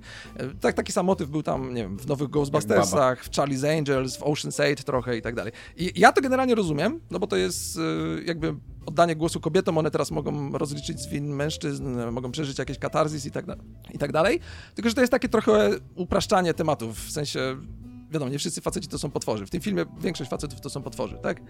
E, I ta, to katarzis, o którym mówię, to też jest trochę jakby z jednej strony plus tego filmu, z drugiej strony jego minus, bo on na samym końcu ma szansę być bardzo ciężki, bardzo dawać taką gorzką naukę, że, że zemsta nie, nie zawsze jest jakby warta e, czegoś takiego, czy nie zawsze się udaje, czy coś takiego, a on nie. A on The jednak... Last dwa taka, takie było. Dokładnie. E, a on nie, on na samym końcu jednak stwierdza, że nie, że Dawidowi e, takie możliwość przeżycia takiego totalnego oczyszczenia e, i to jest fan, jak to w Revenge Movies, zawsze takie zakończenie jest fan, ale mogłoby być trochę lepsze. No i naj, naj, największy, największa wada tego filmu, jaką, e, jaką według mnie on ma, to jest to, że on trochę mówi wbrew głównemu przesłaniu, czyli, e, czyli że gwałt jest zły, tak, mówiąc krótko, to on trochę mówi, że ta zemsta za coś tak odrażającego, ona jest ważniejsza niż wszystko inne. Ona jest tak ważna, że nawet dla niej można poświęcić na przykład inne kobiety mniej lub bardziej, tak? I to jest trochę słabe e, e, w tym filmie. To, co jest w nim dobre, to na pewno Carrie Mulligan, która jest e, dużo lepszą aktorką na przykład niż Chloe Grace Moretz z tego poprzedniego filmu i po prostu ciągnie każdą scenę, jest rewelacyjna w tym filmie, naprawdę. Powtórz to... tytuł. Słucham? A, promising, promising, Young Woman. E, druga obiecująca rzecz... młoda kobieta. Tak, e, e, obiecująca, dokładnie. D druga dobra rzecz to jest to oczyszczenie, do, do któremu pozwala osiągnąć ten film, to jest fajne. I, i takie fajne fajnie on pokazuje też to, że mężczyzna obdarty ze swojej jakiejś takiej przewagi mm, poczucia wyższości nad kobietami, gdy traci poczucie, że nie może już y, rozporządzać jakby, nie wiem, ciałem, czasem czy czymkolwiek kobiety, to on w zasadzie, jeśli jest takim totalnym agresorem i y, i drapieżnikiem, to on w zasadzie jedyne, co może y, zrobić, to się sprowadzić, sprowadzić swoją przewagę do takiej brutalnej fizycznej siły. Jeśli mu się to uda, to wygrywa, jeśli nie, to jest, jest, jest, jest słabszy, jest, tą, jest, jest niżej, tak? E, I jak na ironię, największym plusem moim zdaniem tego filmu jest to, że on z jednej strony jest zachowawczy, stara się y, nie mówić o tych tematach jakoś tak bardzo dosadnie, ale z drugiej strony to jest nawet jego plus, bo on nie jest taki totalnie masakrujący. To jest film, który można obejrzeć nie, nie wpadając w, w depresję po nim, czy coś takiego, bo, bo to jest film, który mówi o mega ciężkich tematach, trochę, trochę ich nie pokazując, trochę je traktując z boku, a z drugiej strony mówiąc wprost, że to jest złe, ci ludzie są źli, oni powinni, te, powinni, nie powinni tego robić. Więc to jest ten film, który można pokazać facetom, którzy nie będę oglądał filmu o, o gwałcie, bo to będzie zbyt ciężkie, tak? Albo, mm, albo nie mam ochoty na taki film. To nie, to można pokazać tym facetom taki, taki film i oni się z czegoś, czegoś z niego dowiedzą na takim bardzo wprost poziomie. Że dowiedzą, na, dowiedzą się, że że, że gwałt jest zły, tak? Tak, a, no, to to robiłem źle. Ale nie, ale wiesz, bo tam jest też, bo, bo, tam są wątki na przykład systemowego ukrywania tego gwałtu, nie? Że ta główna bohaterka to nie ona została zgwałcona, tylko, tylko jej koleżanka na studiach. I, e, i ona konfrontuje się w pewnym momencie z dziekan tego, e, z dziekan tych, tej, tej uczelni, e, i okazuje się, że ona nawet, ta, ta, ta dziekan w ogóle nawet nie pamięta już tej sytuacji. Później, się, później wychodzi na to, że ona, że, że, że, trochę to ukrywała, bo tam boys will be boys i tak dalej. Więc tam są też takie tematy, wiesz, systemowego ukrywania tego typu rzeczy, e, tego, że niektórzy faceci właśnie nie, wiesz, nie rozumieją e, granic jakby swoich tych, swoich... Wolności, czy jak to powiedzieć. Na IMDB znalazłem bardzo fajny cytat z, jednego, z jednej osoby, która podsumowała ten film. To jest, tam ktoś napisał, że to jest, to jest film, że każdy facet bojący się tego filmu, to jest właśnie ten facet, którego należało przestraszyć. To jest, to, to jest coś takiego, tak? E, I generalnie tak jak mówię, on ma trochę wad, ale, ale to, co robi, robi nawet spoko i jest, y, jest dosyć ciekawy. Więc tak, jeśli mogę wam coś polecić, to dwa filmy, w których kobiety dają czasu, czyli, czadu, czyli Shadow in the Cloud i Promising Young Woman. One chyba obydwa są dostępne na Amazonie, nie chyba, tylko na pewno są dostępne na Amazonie, ale niestety nie w Prime, trzeba je wypożyczyć. I trochę szkoda, że nie są dziś dostępne na jakimś Netflixie albo HBO, bo to są idealne filmy, żeby gdzieś tam Żeby nauczyć taki... się, że gwałt jest zły oraz, tak, że tak. kobiety są ważne. Że kobiety są ważne, ponieważ e, tak, rodzą dzieci. Tak? nie, spoko rzecz. Ja myślę, że jak one trafią na, szczególnie Shadow in the Cloud o dziwo, myślę, że będzie takim filmem, który jak trafi w końcu na Netflixa albo na HBO, to sobie ludzie go obejrzą i stwierdzą, że wow, ale całkiem spoko, fajny film akcji, który o czymś tam więcej mówi. A o Promising Young Woman to się w ogóle mówi dosyć dużo, bo on zebrał całkiem niezłe recenzje mm, za to, o czym i jak mówi. Więc tak, miało być 10 minut, chyba się udało, albo 12. Chyba nie. nie? Tymczasem wracamy do Night City i kolejny temat, jaki mam przygotowany dla was, to jest y, Dużo się mówi o tej grze jako o kiepskim RPG-u, o tym, że to jest nie najlepszy open world, już rozmawialiśmy i jeszcze do tego bym dodał, czy to jest spoko Immersive Sim, bo to jest też gra, która bardzo dużo z Immersive Simów y, bierze. E, kto był ostatnio pierwszy? Powiedzmy, że ostatnio był Dominik pierwszy, to powiedzmy, że teraz Szymon pierwszy. Go, Szymon. Czy to jest dobry RPG, czy to jest dobry open world, czy to jest dobry Immersive Sim? A czy... Zależy czego oczekujesz od RPGa. Jeśli oczekujesz całej mnogości różnych e, decyzji i wpływu twoich decyzji na to, co będzie dalej, to, to pewnie nie. To pewnie jest fatalny. Nie wiem, czy sprawdzaliście tą informację, jak ktoś tam wrzucił, że tam 99%, nie, 95 chyba procent dialogów y, nie ma, nie ma znaczenia tak naprawdę w Cyberpunku. Pojawił się jakiś taki news, ale nie, nie wnikałem w to, bo cokolwiek klikniesz tak y, dojdzie tam do jakiegoś jednego, jednego miejsca. Więc pod tym względem to jest słabe, ale jeśli idzie o to przeniesienie takie, do, nie wiem, w inny świat czy coś takiego, to, to według mnie to jest spoko nawet biorąc pod uwagę te wszystkie braki tego, tego świata i to, że ja w ogóle miałem takie uczucie grając Cyberpunka, że to jest gra, która została zaprojektowana 8 lat temu um, i od tamtej pory niewiele się w tym projekcie zmieniło, bo trochę trudno zaakceptować na przykład, no nie wiem, takie skradanie, jakie w Cyberpunku po po takich grach, no nie wiem, jak Dishonored na przykład, które dobrze reagują w momencie, jak jest, to... to skradanie jest na mocno, jak, na maksa, ja to mówiłem już Idzej Tomkowi, on jest na maksa jak z Deus Exa, te, tę grę się dużo porównywało no. do Deus Exa, tylko on jest na maksa jak z Deus Exa, ale nie tego Deus Exa nowego, tylko Deus Exa, tylko Deus Exa oryginalnego z 2001 roku, czy tam trzeciego. I on, ono tak działa. Dokładnie, dokładnie. No więc pod tym względem to jest trochę słabe i... Yy, ale no z drugiej strony, jeśli oczekujesz... Yy, tak jak mówię, takiej, takiej iluzji na bardzo niskim poziomie przeniesienia do, do innego świata bez łamania jakby tej iluzji, bez próby go łamania, dopóki ci się policja nie teleportuje zaraz obok ciebie, to jest całkiem fajne przeniesienie. Iga? No ja tutaj e, chciałam e, wyjść z punktu widzenia definicji RPG, ale już e, jestem przy mikrofonie, więc tego tak nie zrobię. E, moim, znaczy... zda moim zdaniem tak, jeżeli RPG to jest odgrywanie roli, tak, tak, tak bym to, to powiedziała, to odgrywasz tego V, który jest napisany, masz bardzo mało miejsca za to, co on może zrobić, ale w jakiś tam sposób powiedzmy, że ta ekspresja gracza w tym UX-ie jest, jesteś w stanie jakoś tam skończyć questy, to bardzo mocno widać, jak ta gra miała wyglądać po tym, co pokazywali na E3, tym pierwszym questie, który masz. Jeżeli ona by cała tak wyglądała, to to by było spoko, ale to jest tak naprawdę jeden tak bardzo po prostu zadbany quest, gdzie ściany się rozwalają, gdzie masz 600 różnych rzeczy, które mógłbyś zrobić i to jest to, co ona obiecuje, po czym w ogóle tego już dalej nie ma. Jak po prostu w ogóle.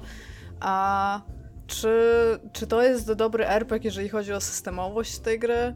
Moim zdaniem jest e, jakby ono ma, ma takie elementy, że sobie wyobrażam, że jakby były lepiej zaprojektowane, to one by działały. Ja po. Ja, ja przeszłam tą grę w 70 godzin. Po 30 godzinach już byłam tak OP, już miałam 50 street tam level cred, już nie mogłam. Street cred level. Już nie mogłam w ogóle być bardziej legendą Night City. To już było maksimum legendarności, jaką mogłam mieć. Ludzie pisali, tak, ludzie pisali. Ja już tam w ogóle robię jakieś rzeczy, ludzie się pytają, kim jesteś, a obok jest wielki y, ten taki graffiti V. I tak siedzę i tam to, to ja. Były graffiti z tobą na ścianie? Tak, tak, tak. No jak wow. masz 50 street level, no to tam już wszędzie są po prostu graffiti i tam widzisz, że Tak, to, to, jest w ogóle, to jest w ogóle dobre, bo to też, też się rozjeżdża jakby to, o czym ta gra ma być, że ten street level, ja, ja może nie miałem 50, ale tam miałem 30 któryś, że już miałem tak centralnie w questach takie opcje dialogowe, że tam ktoś próbuje do mnie skakać i mówi, jestem w nie słyszałeś no. o mnie, co nie? A jednocześnie cały czas czujesz, że jesteś takim, takim zupełnie cyberpunkiem w tym głównym yy, dialogowym, w tym głównym questie, że jesteś takim zupełnym jakby takim street level kidem, co nie? I że nadal, nadal jeszcze musisz się zapisać w tym mieście, nadal no. musisz być kimś. Mimo, Więc... że są graffiti z tobą, tak? O tak, tak, to właśnie, właśnie o to mi chodzi. No so, jest pełno graffiti, ludzie już tam, wiesz, y, na przykład mówią, ej, ej, to, to jest ten typ, to jest V, a tam, że ja z pindlem na wierzchu stoję, bo zapomniałam się ubrać, no to tam to jest mniejszy, mniejszy problem. Tak swoją drogą w Outer Worlds już reagują na to, jak jesteś ubrany, tak swoją drogą. To, to też nie jest nowa gra, ale już sobie mogli na to pozwolić po prostu. Więc jakby dla mnie jako RPG ona jest poprawna, tak bym to odkreśliła. To nie jest, to nie jest nie jak zły RPG, to jest, to jest jakby tego nie wydał CDEP, tylko by to wydał jakiś inny, mniejsza firma i nie byłaby tak hypowana i nie byłaby w, robiona przez 10 lat, to nawet bym powiedziała, że no nie wyszło im, są, są średni w robieniu RPGów, ale tam działa. Więc e, tak jak mówił Szymon, ja, ja, już pod sam koniec gry, to nawet, to nawet, nie jest gra, w której robisz builda postaci. Ja już pod sam koniec gry robiłam wszystko. Ja się wcześniej biłam na pięści, bo mi się strzelanie nie podobało. Pod koniec już jak właśnie miałam tego skipiego, to po prostu byłam w stanie y, tam, nie wiem, ustawić headshoty tak, że mogłam strzelać gdziekolwiek i ludzie dostawali headshoty, więc tam było, było spoko. E, byłam w stanie, ten stealth u mnie działał, w cudzysłowie, byłam w stanie wchodzić i zabijać ludzi i łamać im karki, a tak naprawdę i tak najbardziej optymalnym i najszybszym przejściem było hakowanie kamer i po prostu zabijanie wszystkich, a potem wchodzenie tak. i zbieranie mhm. lutu, tak. więc tam to, to, było tyle. To, to, jest moim, to, to jest moim zdaniem w ogóle jedyny dobry sposób, żeby grać Cyberpunka, po prostu jest najszybszy i daje tam trochę Jeszcze masz coś takiego, jeszcze, tym... tak, jeszcze fajne jest to, jak masz jeszcze tego takiego haka, który się rozprzestrzenia, takiego tak, tak. wirusowego. Tak, to, i to w ogóle jak masz najwyższy, widać, jak masz najwyższy level, y, najlepszy deck, to po prostu puszczasz to i tylko patrzysz, jak ludziki same, po prostu to się tak. rozprzestrzenia mhm. i, i wszyscy umierają. tak. I tam jeszcze I to, takie, pyk, pyk, pyk, i to się nawet, i to się nawet, i to jest nawet takie cyberpunkowe, jakby jakby tak, Netrunner tak. tak działał w Cyberpunku, więc to jest... Ale, no, ale, ale nawet razie... w tym hakowaniu, o którym mówisz, Iga, było widać w kilku momentach, że ta gra ma totalnie problem z e, odnoszeniem się trochę do tego, co robisz, jak, jak trochę wychodzisz poza ramy, które oni zaplanowali, bo tam w tym questie, w którym, jak się nazywała ta e, koleżanka Judy? E, Evelyn. O właśnie, dokładnie. Evelyn. To w tym questie, w którym się odbija Evelyn, to ja, tam można się też włamać do kamer, przejrzeć wszystkie, wszystkie kamery i jedna z kamer jest w piwnicy, w którym leży Evelyn, nie? I robisz taki zoom, ja to sobie tak zrobiłem, zrobiłem sobie taki totalny zoom na Evelyn, a gdzieś tam się pojawia jakaś linia dialogowa, musimy znaleźć Evelyn, nie wiadomo gdzie jest, musisz tam wejść i ją znaleźć, nie? No, ale centralnie ja na nią patrzę, nie? Ja, ja miałam gorsze problemy z tym, bo mi na przykład bardzo często e, to, że ja byłam w kamerą, kamerą i się na kogoś patrzyłam, to gra odczytywała jako, że ja weszłam do pokoju z nim rozmawiam, ale nie miałam opcji dialogowej, bo byłam w kamerze, jak więc ja, jak było coś... Jak odbijałeś typa w piwnicy, który leżał tam związany, to on do ciebie mówił i jakby jak, jak weszłam dopiero do tego pomieszczenia, musiałam je no, tam no, jeszcze no. znaleźć, nie? bo nawet mnie nie było w środku tego kompleksu, to y, wchodzę i tam to jest tak jakby, on coś, on ci zadał pytanie, na przykład, wiesz, wolisz tam pizzę czy spaghetti i za pół godziny ty wchodzisz do tego pomieszczenia i mówisz spaghetti. To jest jak w serialach, jak robią cięcie, wiesz, bohaterowie tak, są w barze, cięcie w Poznaniu, są w mieszkaniu, nie? Zupełnie nie propos, ale by się a propos tego przypomniał, a propos tego, co Iga powiedziała, przypomniał super bug, o którym muszę opowiedzieć. Jak, bo ja sobie w ogóle, ja jestem freak, jestem freakiem i tam lubię sobie roleplayować w grach, więc jak, jak na przykład mam czekać w tej grze, czy, czy jak chciałem poczekać, to nie robiłem czekaj, tylko jechałem do mieszkania spać. Mhm. I akurat super. miałem bliżej mieszkanie Judy, więc pojechałem do mieszkania Judy. Judy na tym etapie już wyjechała z miasta, zostawiła to wszystko, czasami do mnie dzwoni. I wchodzę do jej mieszkania, a tam Judy stoi przy oknie, nie? Oparta jakby nigdy nic, nie? Na początku myślałem, okej, okay, czy ona wróciła, ale zaczęłam z nią rozmawiać i ona ma te same dialogi, tak, tak. które ma jak do niej dzwonisz. Dokładnie. Więc nagle mówi, a tak, jadę akurat przez jakieś tam, gdzie, przez jakieś tam stanie i ci, i ci opowiada, co widzi za oknem, i ci opowiada, co widzi za oknem, nie? Jadąc teraz. stojąc, stojąc przed tobą. Ona, jest, ona cię oszukała w takim razie. No tak, ja, ja bym pomyślał, że mnie zdradza, bo ja bym związany z... Ja ale wiedziałem, że ona może wcześniej wyjechać z miasta, dobra. Może wyjechać z miasta, ale, no. ale gra jakby tego nie, nie skubała, że ona wyjechała z miasta, więc ona była w tym mieszkaniu, ale dialogi miała takie, jak była, jakby wyjechała, nie? ja miałam przed, też do, Przeciwne doświadczenie, i... uciekłem z tego mieszkania z poczuciem, że z moim wi coś jest nie tak. jakby, lubiłem Judy, ale tam... Sporo się bardziej... zmieniło w waszym związku. Dziwne tak. Ale... ale... Ja miałam też takiego baga, jeżeli chodzi o hakowanie, że nie wiem, czy w zakończeniu Nomadów, Tomaszu, e, masz e, taki taki patent, że y, pokazują ci dronem footage, który nagrali wcześniej i teraz wyciągnęli to, tą, tą kartę z tego drona i ci ją dają, żebyś zobaczył ten footage i oni ci pokazują, co tam się dzieje, nie? Więc tam masz taki dosyć dużą arenę, że tam będziesz teraz wchodził do tunelu i że tutaj jest problem, bo tutaj mają robotę, tutaj mają czołka, tutaj mają coś tam. Tylko, że gra nie wyłączyła mi hakowania, więc ja na footage'u, który, który już nie jest live, byłam w stanie zabić wszystkich, którzy tam byli i jak weszłam tam, to tam nikogo nie było. No niestety Iga, ja pamiętałem, bo ty już to opowiadałaś i jak ja to robiłem, to też tak, tak chciałem zrobić, ale chyba niestety musieli już to poprawić, albo, albo u ciebie się coś wydarzyło innego, bo u mnie tak nie było niestety. Ale to było, to było super, bo na przykład no tutaj jest robot, tutaj będziemy mieć problem i jeszcze oni mają na samym końcu taki, taką opcję dialogową, czy już widziałem e, większość, nie chcę dalej tego oglądać, albo dalej chcę jeszcze popatrzeć i przeprowadzić rekonesans i wtedy ten dron robi drugie kółko, więc ja sobie jeszcze na drugim kółku pozbierałam tych pasków, którzy tam jeszcze żyli. Więc jakby tam przyjechaliśmy, to tam e, w ogóle to też jest fajne, bo gra na to zareagowała w taki sposób, że skrypty się odpalają te same i na przykład jest zastrzel iluś tam 0 na 16 i nagle jest 16 na 16, pyk, dobrze, zrobiłaś, i potem dalej idziesz, to kolejny jest taki skrypt, więc tak, no to, to, to też tam. Mogłaś lecieć A, tym więc- dronem do miasta i w ogóle, wiesz, skończyć wszystkie questy, nie? Nie możesz właśnie nim sterować, bo jako, że no tak, to już racja, jest nagrane wcześniej i to nie No, jest no. live, no to zabiłam tych ludzi, kiedy, kiedy pół godziny potem jakby, nie? No, ale w każdym razie to ten, to jeżeli chodzi o RPG, to właśnie mówię, dla mnie to nawet nie, nie ma jakby takich systemowych buildów, bo i tak i tak, ja w pewnym momencie już miałam tam 20 inteligencji, nie pamiętam, 20 cool chyba, czy coś takiego, bo to miało śmieszne opcje dialogowe i e, jakby już po prostu wpakowałam rzeczy w jakieś losowe inne rzeczy. E, tak jak mówiłam wcześniej, miałam bardzo dużo napięści, bo na samym początku mi się bardzo nie podobało strzelanie, więc biłam napięści. Potem sobie to zmieniałam na Mantis Blade, potem sobie zaczęłam strzelać, potem sobie skradałam się i hakowałam. Więc jakby jeżeli grasz, no moim zdaniem to 70 godzin, które ja w to włożyłam, a to w tym są jeszcze zakończenia jakby, to, to nie jest super to, to nie jest super tak, że mało ludzi będzie miało to 70 godzin. I w, jeżeli w tym czasie jesteś w stanie porobić rzeczy, żeby być tak wy, wy- wymaksowany, to, to nie jest gra na buildy i tak i tak wszystko sobie rozwiniesz.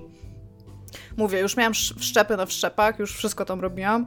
Jeżeli chodzi o e, takie właśnie to, to jak mówił e, jakieś e, wybory i to, czy ma cokolwiek znaczenie, co ty robisz, nie ma. Moim zdaniem nawet ta ekspresja jest bardzo ograniczona, ale tak jak już mówiłam, jest, więc nie powiem im, że nie mają tego w grze, więc może tam możesz jakoś roleplayować.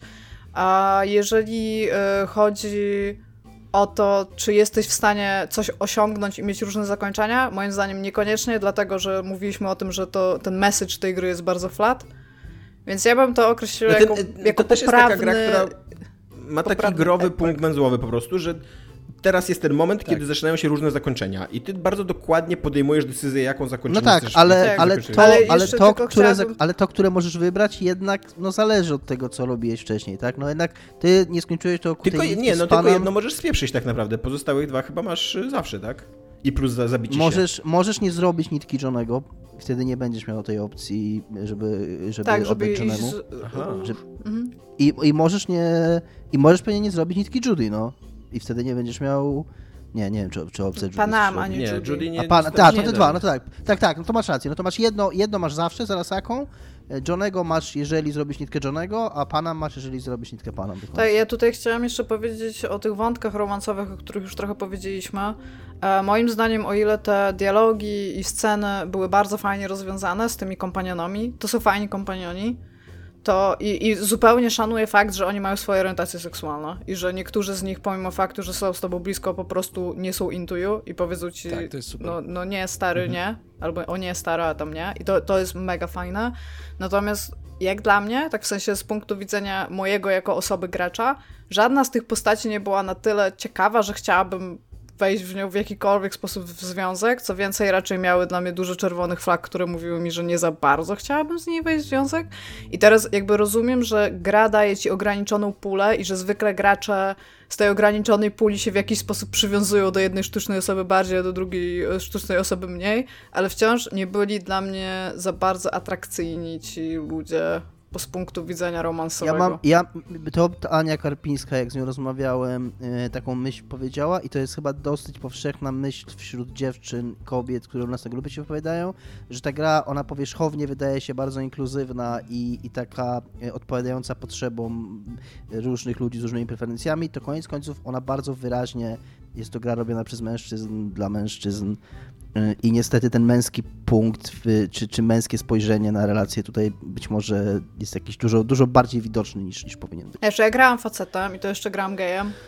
I dostałam opcję, jakby to była opcja, która jest w ogóle na samym końcu w grze. Tak swoją drogą, ja już dosłownie jak robiłam te sidequesty, tak, tak jak sobie zwykle robię sidequesty w RPGach, to ja musiałam czekać na zakończenie tej opcji do tego stopnia, że mówiłam chłopakom, Żeby że Kerry musiałam... do ciebie zadzwonił. Tak, żeby chodzić po mieście, wykupują wszystkie e, tam auta i do tego na przykład cały środek mapy mam wyczyszczony ze wszystkich wykrzykników, bo musiałam czekać, a spanie to nie dawało mi tego, że oni do mnie zadzwonili.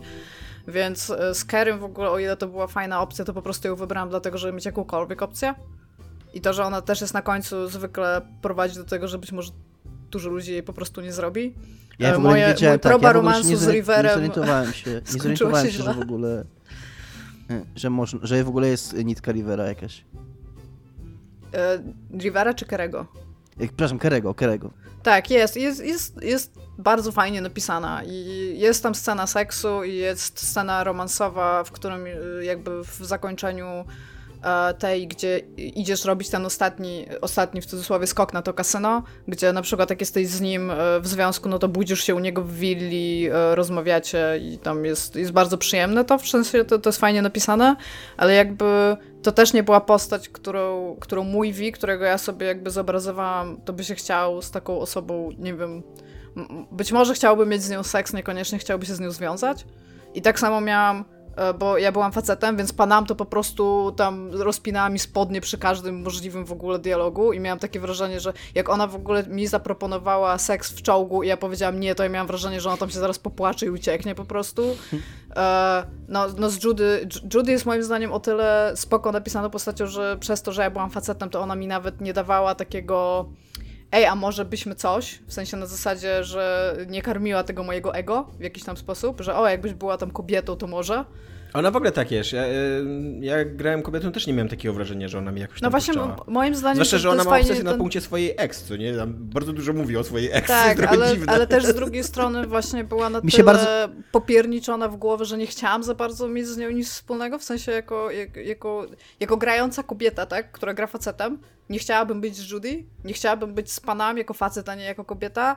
River wydawał mi się o tyle w porządku, że miał ten taki wątek, który no, pokazywał, że tam, że, że okej, że może, że tam... River zaczynał bardzo spoko, ale skończył jak taki kurde tatuś po prostu. Ale mi się, Bardzo mi byłem, się roz... to właśnie akurat... ja byłem bardzo rozczarowany tym wątkiem. On się tak kończy tak na maksa stereotypowo, że o, niby taki twardziel, ale patrzcie jaki jest rodzinny, tutaj obiad zrobi, napiecie się piwa na wieży, co Tak, nie? znaczy, ogólnie to jest tak, jak, jak mój romans z nim się skończył bardzo awkward, bo jest Mój też, hetero. znaczy ja nie miałem z nim Tak. romansu, to on, on, on mnie przyatakował w ogóle. A to nie, nie, to, to mój wi w ogóle, jak miałam e, na wieży ciśnień pić z nim whisky i mogłam wznieść toast i dostałam opcję kiss tam za nas, to wi go tak złapał po prostu jakby tylko czekał w takiego Nelsona, nie? Tam w ogóle właśnie ręka na kark i tam chodźcie idziemy całować, nie? No, a w ogóle wow, Zdejmuj gaci, będziemy się całować. Mi się, Nie, E, Więc, więc to jest te, te, takie sobie mi się akurat podobało zakończenie wątku Rivera, niekoniecznie z punktu widzenia tego, że chciałabym jako mój wi, żeby był z nim, ale moim zdaniem był jakby najrozsądniejszą postacią, żeby z nim być, bo po prostu wydaje mi się, że nie był popierniczony w głowę i być może dałoby się z nim jakiś związek zbudować, nie? No, Ja, e, mieliśmy o tych romansach nie rozmawiać, ale w końcu rozmawiamy, to powiem swoje, bo ja uważam, że wątek z Judy jest e, trochę dziwny, bo właśnie z jednej strony on ma obsesję na, na, tak, na punkcie swojej byłej, wybitnie. Ja tą byłą zabiłem w ogóle I w ogóle, I w ogóle zabiłem wszystkich jakby, których Judy mi kazała. Jakby czułem się bardzo instrumentalnie traktowany przez Judy, co nie? Ona centralnie tam cały czas prosi cię o pomoc i na koniec zawsze się okazuje, że tą pomocą jest po prostu to, że, że ty masz, w, w, w, czynisz przemoc w jej imieniu, co nie? Nawet, nawet jest taki dosyć samoświadomy mm, dialog w tej sprawie, że, że, te, że ja się pytam, że czynisz co, czyli mam im zrobić krzywdę. On, tak, proszę cię, żebyś mi zrobił krzywdę, coś takiego, co nie? E, Więc, więc e, nie podobał mi się jakby ten sam wątek romansowy, ale uważam, że e, jest bardzo ładnie zakończony, że w ogóle cała ta taka e, ostatnia, cały ostatni quest, taki właśnie mm, budowanie relacji, to pływanie pod e, w tym, w tym zbiorniku i tam odkrywanie jej przeszłości, to jest strasznie kiczowate, ale jest takie kiczowate w dobrym stylu, takie właśnie kiczowato-romantyczne, zbliżające się rozmawianie o przyszłości i tak dalej. I jest zaskakująco ładnie zanimowana scena seksu, jak na, jak na tą grę i jak w ogóle na, jak, na, jak na gry wideo. Na przykład scena seksu z panem mi się na maksa nie podoba, uważam, że jest bez gustu zrobiona, że jest na poziomie człowiek i że całe to takie, ten, ten cały ten taki cyberseks jest na poziomie człowieka demolki trochę. znaczy, E, tak, e, tak, tak scena seksu z, z Judy uważam, że autentycznie byłem trochę zaskoczony, że, że wow, okej, no spoko tam. Znaczy, Ile nie czuję się zażenowany, podczas nie? seksu, bo te wszystkie sceny seksu, którego dostajesz na ryj fabularnie jakby, nie takie, które sobie wybierasz, to ci ludzie non stop chodzą po pomieszczeniach. Ta scena na przykład z tej, z Alt, co, co Johnny tam w tym, to oni chyba z 70 tam kilometrów robią dookoła tego backstage'a po prostu. Dobra, Ja tutaj, tylko- dobra, teraz tutaj, a teraz chodźmy tu. Nie, ale chodźmy tam, tam jeszcze. Pięć Dobra. minut byliśmy tutaj, za długo, idziemy teraz tam. Teraz ja muszę jeszcze tylko na chwilę stanąć w e, obronie honoru Panam. E, Znaczy nie, nie, Nie, Nie uważam- Panam nie ma honoru. nie uważam, Grałam w tą grę. nie uważam, żeby scena seksu w czołgu była jakimś tam szczytem artyzmu. Tylko dlatego, że, że brałeś w niej udział, Dominik. Tylko dlatego, że byłeś tam częścią. Znaczy nie, nie, nie, nie uważam, żeby była szczytem artyzmu, ale też nie uważam, żeby była jakaś, e, nie wiem, e, żeby pozostawia jakiś niesmak. To jest, jest taka trochę śmieszna, ale No, cała, ta ten relacja z wystrzał na koniec. Cała ta relacja z pana... Nie, no nie ma wystrzału na koniec. Chyba jest. Strzela czołg na Nie, koniec, nie, jak no co dochodzą. ty, no co ty, no co ty tam, nie, to, Szymon, nie, nie. No coś tam się dzieje, albo strzela czołg, albo czołg dozdaje. Tak. Nie, no Znaczy ja oni- widziałem to na oni- YouTubie tylko, ale wydaje mi się, że Nie, nie, nie, na nie, Ja nie, wystrze- na nie, nie wystrzeliwuje czołg, nie, no to mogę was zamienić, że nie wystrzeliwuje czołg. Jest tak, że ta, To czołg- Może tobie nie wystrzelił. że ta scena seksu jest przerywana. że ta scena seksu jest przerywana przez atak. y.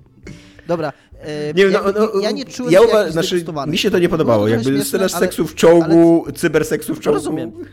Takie... Rozumiem, tak, już rozumiem, że ci się nie podoba. Natomiast y, cała relacja z panem mi się podobała i ona mi się podobała jako postać, aczkolwiek zdaję sobie sprawę z tego, że ona jest napisana i zaprojektowana jako taka realizacja pewnej męskiej fantazji, więc w tym sensie Tak. rozumiem, czemu na przykład, y, czy domyślam się, może nie rozumiem, nie wiem, bo nie siedzę w głowie Idze, przepraszam, ale domyślam się, czemu Idze, czy, czy, czy, czy na przykład dziewczynom, które grają męską postacią, może ta relacja nie leżeć, bo to jest taka realizacja takiej fantazji o dziewczynie, która z jednej strony jest silna Tak, i niezależna, ale z drugiej strony jednak potrzebuje twojej pomocy. No tak, ale... To... y, I, i, I twojego oparcia, i ty jednak, i jakby z jednej strony mm, jest dla ciebie partnerką, a z drugiej strony jest dla ciebie Kumpelą. trochę kumpelą, a z drugiej strony, a z trzeciej strony potrzebuje twojej opieki, więc Tak, tak. y, ona jakby te, te struny mm, męskiej jakby fantazji Tak, tak. No ale to- i, i dlatego to moim i dlatego to moim zdaniem jest napisane wybitnie pod, pod heteroseksualnych mężczyzn. Mi no, się ta- wydaje, że z, z Judy jest podobnie, bo ona, jak się spojrzy nawet jak ta postać wygląda, to ona jest też trochę tak,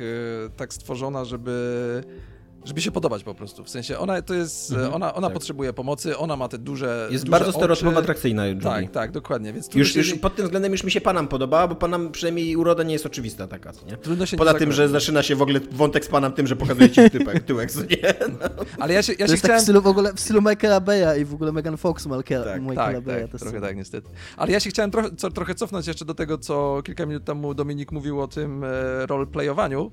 E, I właśnie e, moim zdaniem, jeśli rozmawiamy o tym, czy to jest dobry RPG, to moim zdaniem on jest dobry, jak lubisz coś takiego, bo, bo ja też sobie robię czasem takie rzeczy i na przykład e, po, po randce z Judy, która się zakończyła spędzeniem nocy razem, to ja miałem autentycznie coś takiego, co, ten wątek był napisany na tyle dobrze i ta postać była na tyle fajna, ja się w niej naprawdę na tyle zadłużyłem, na ile można się zadłużyć w wirtualnej osobie, że autentycznie następnego ranka, jak wstałem po wspólnie spędzonej nocy, to wstałem z tego łóżka moją Wii, podszedłem do e, stolika, wypiłem wodę, podszedłem, ubrałem, ubrałem ten, ubrałem jakieś tam rzeczy, coś zjadłem, wyszedłem na dwór i usiadłem na tym moście przez Judy i kurde, przez trzy minuty się gapiłem na, na słońce, nie? E, I, wie, nie we wszystkich grach robię coś takiego. W grach na przykład BioWare autentycznie sceny seksu i tam romansowe i tak dalej, to jest dla mnie achievement, nie? Wyklikam wszystkie, wszystkie linie dialogowe, żeby do nich dojść. A tutaj autentycznie miałem dość silne powiązanie emocjonalne, na, Ja- kon- konkretnie z Judy. Do tego stopnia, że jak na przykład y, była możliwość przespania się z kimś innym, to ja tego kompletnie nie robiłem, nie? Bo, bo po prostu czułbym się z tym źle, nie?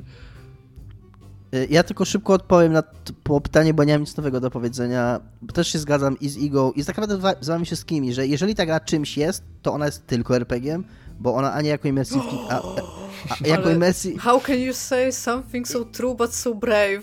E, jako immersive sim, jako immersive sim ona nie działa w ogóle, jako... E, jaka jeszcze była trzecia opcja? Open world. Jako Open open world ona nie działa w ogóle.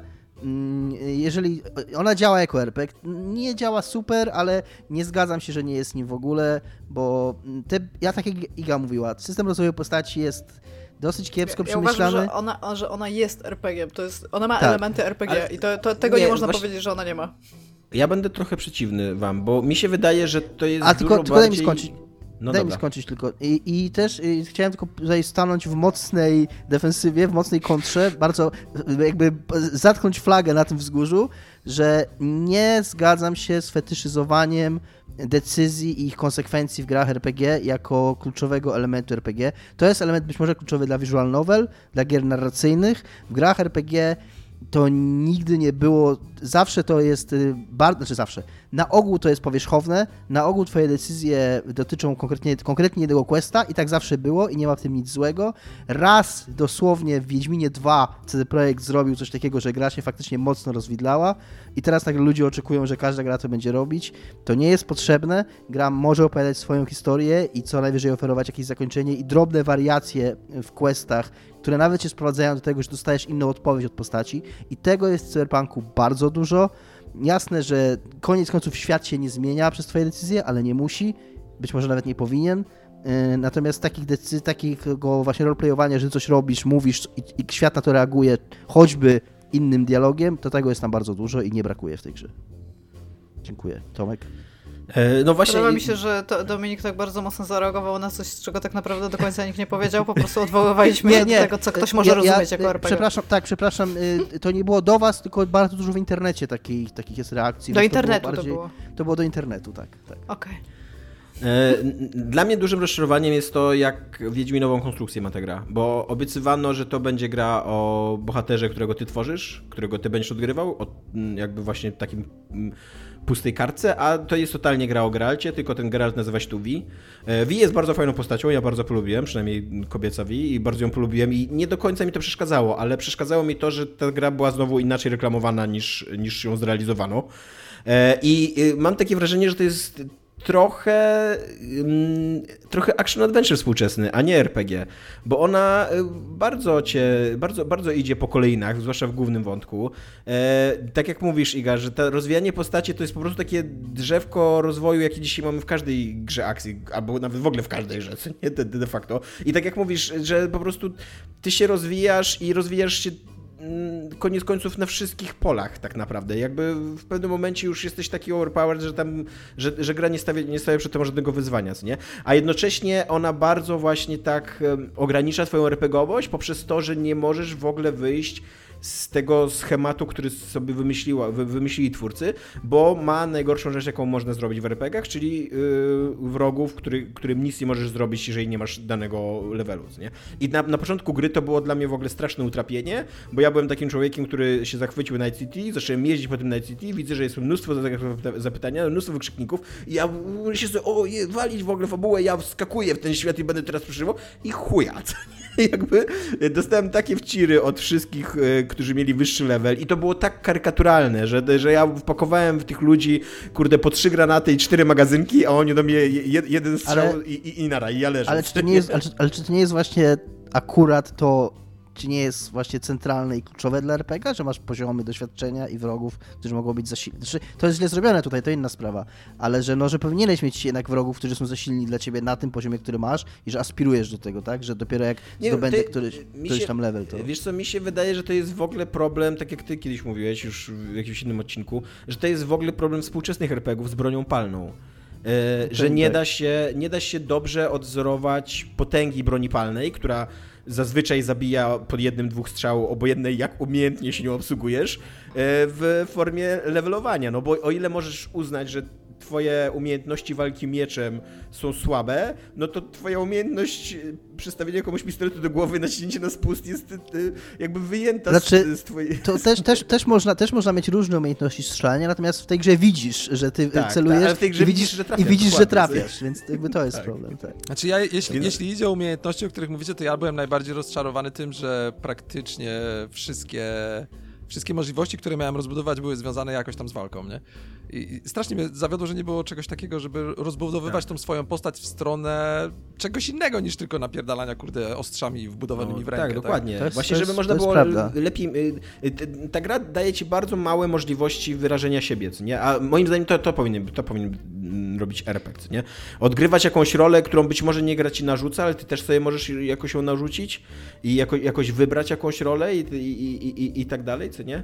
I, I ta gra w ogóle ci nie daje. Nie, nie, ma, nie ma sensu robić żadnych buildów. Nie, wszystkie buildy są pod walkę albo pod, pod jakieś takie umiejętności rozwiązywania konfliktów, a w ogóle nie ma jakichś właśnie takich mm, umiejętności społecznych, dialogowych i tak dalej, i tak dalej. Coś, co jest przecież normalnie w RPGach, nie? I Bardzo rzadko jest na przykład to, że jakaś tam umiejętność wpływa ci na, da, daje ci opcję dialogową, a jak już jest, to tak jak mówi Szymon, to ta opcja dialogowa zazwyczaj nie ma żadnego znaczenia, co nie? Bo wszystkie one prowadzą do jednego punktu na koniec. Więc yy, nie powiedziałbym, że to jest jakiś wielki minus tej gry, ale raczej patrzę na nią na, Trochę- jak na action adventure. To jest też w ogóle fajnie, to fajną rzecz y, y, uzmysławia to nasze rozważanie na temat tego, czy to jest RPG, czy to nie jest RPG. Y, to coś, co chciałem powiedzieć na początku, jak, jak o tym mówiliśmy, że trochę trudno odpowiedzieć na pytanie, bo w dzisiejszych czasach trochę nie wiadomo, co to jest RPG i dla każdego tak. praktycznie gracza RPG znaczy coś innego i każdy trochę inaczej kładzie akcenty, więc jasne, to jest RPG, bo w dzisiejszych czasach każda gra jest RPG-iem tak naprawdę już, więc Jest, tam- jest przy tym y, y, bardzo wyraźny konflikt, to co było w tej y, słynnej recenzji 7 na 10 GameSpotu, za którą w ogóle cały internet się rzucił na nią tylko dlatego, tylko po to, żeby tydzień później samemu znienawidzić Cyberpunka, ale, ale że ta gra ma straszną, straszne rozdwojenie jaźni pod względem tego, jak daje ci budować postać w questach pobocznych, wyrażać właśnie, budować swojego własnego Wii, a jak totalnie w questie głównym mówi ci, "Rrr, a teraz wracaj tutaj na tory i Wii jest tą postacią i odgrywaj tą postać.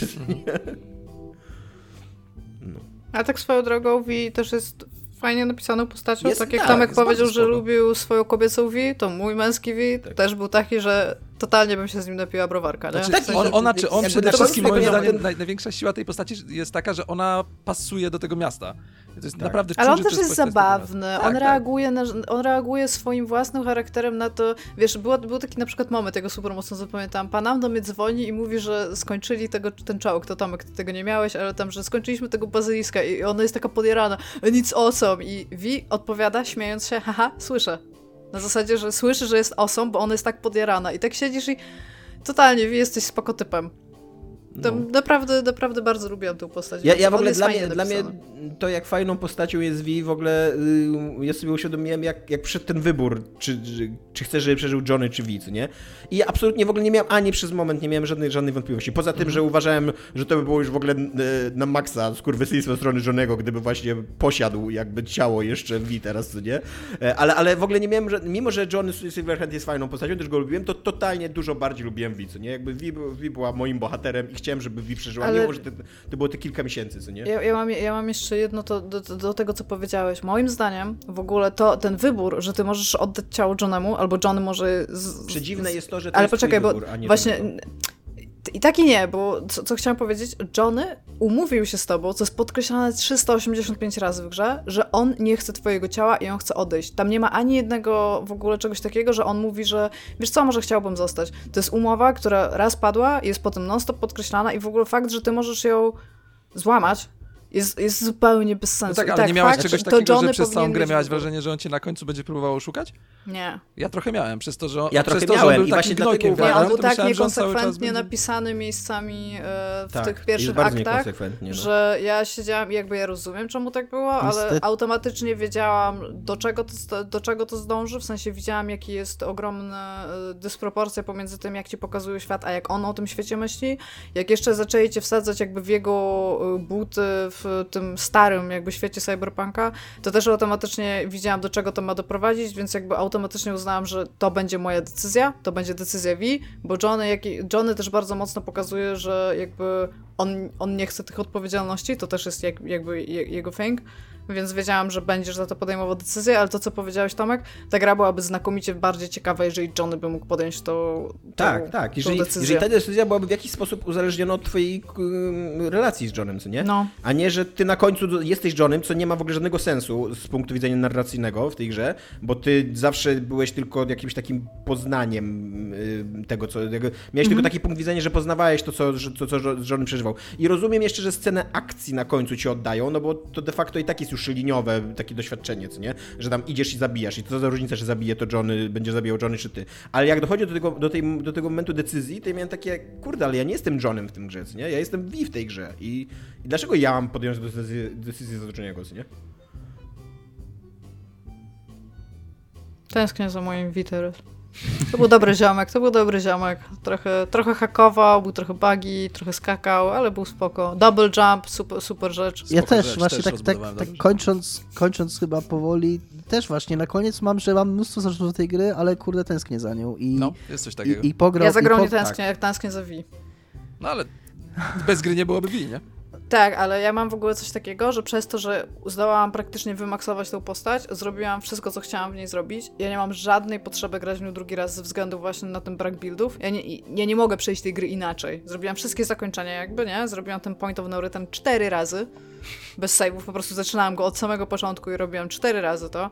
Zrobiłam wszystkie te wątki, które chciałam. Żadna z tych postaci mnie nie interesuje y, romansowo, więc po prostu wziąłam sobie jakikolwiek romans i jakby ja nie mam żadnej potrzeby wgrać w tą grę jeszcze raz. Jeżeli będzie DLC, najprawdopodobniej do niego wrócę, ale ta gra, jak dla mnie, ona jest na raz. To, to jest... To, ja się to, nie to, Tylko to Igą. nie jest koniecznie minus, nie? Tak. Nie, to, nie, to tylko raz, że... To, to, też, dwa, że- to też może mówić, czy to jest, czy to jest RPG. No, no bo ty sobie oszukałaś trochę. Ja uważam, że moja, moja historia była taka i nie można teraz sobie wczytać i wziąć innego zakończenia, tylko jeżeli chcę zobaczyć inne zakończenie, to muszę przejść wszystko od początku inną postacią, dla której, która będzie się inaczej zachowywać przez całą grę i dla której ta decyzja, którą podejmie, dlatego ja teraz chcę dru- na drugie przejście grać żeńską V, która będzie bardziej właśnie nastrojona na bunt i na niszczenie systemu i wtedy to wzięcie zakończenie, zakończenia z Johnem i z atakiem na Rasaku będzie miało sens dla tej postaci. Dla mojej postaci, mia- tą, którą grałem teraz, miało sens jedno zakończenie. No możesz sobie zepsuć grę, pewnie, no. Dla mojej postaci, Dominik, żadne z tych Żadne, zakończeń nie miało okej. sensu, więc y, zrobiłaś to ukryte jest- zakończenie jego? nie, miałam 60% tylko na, z Johnem, tą synk. Ale co chciałam powiedzieć, to Dominik, pamiętasz jak graliśmy w... Jak się nazywała druga gra sama Borlowa?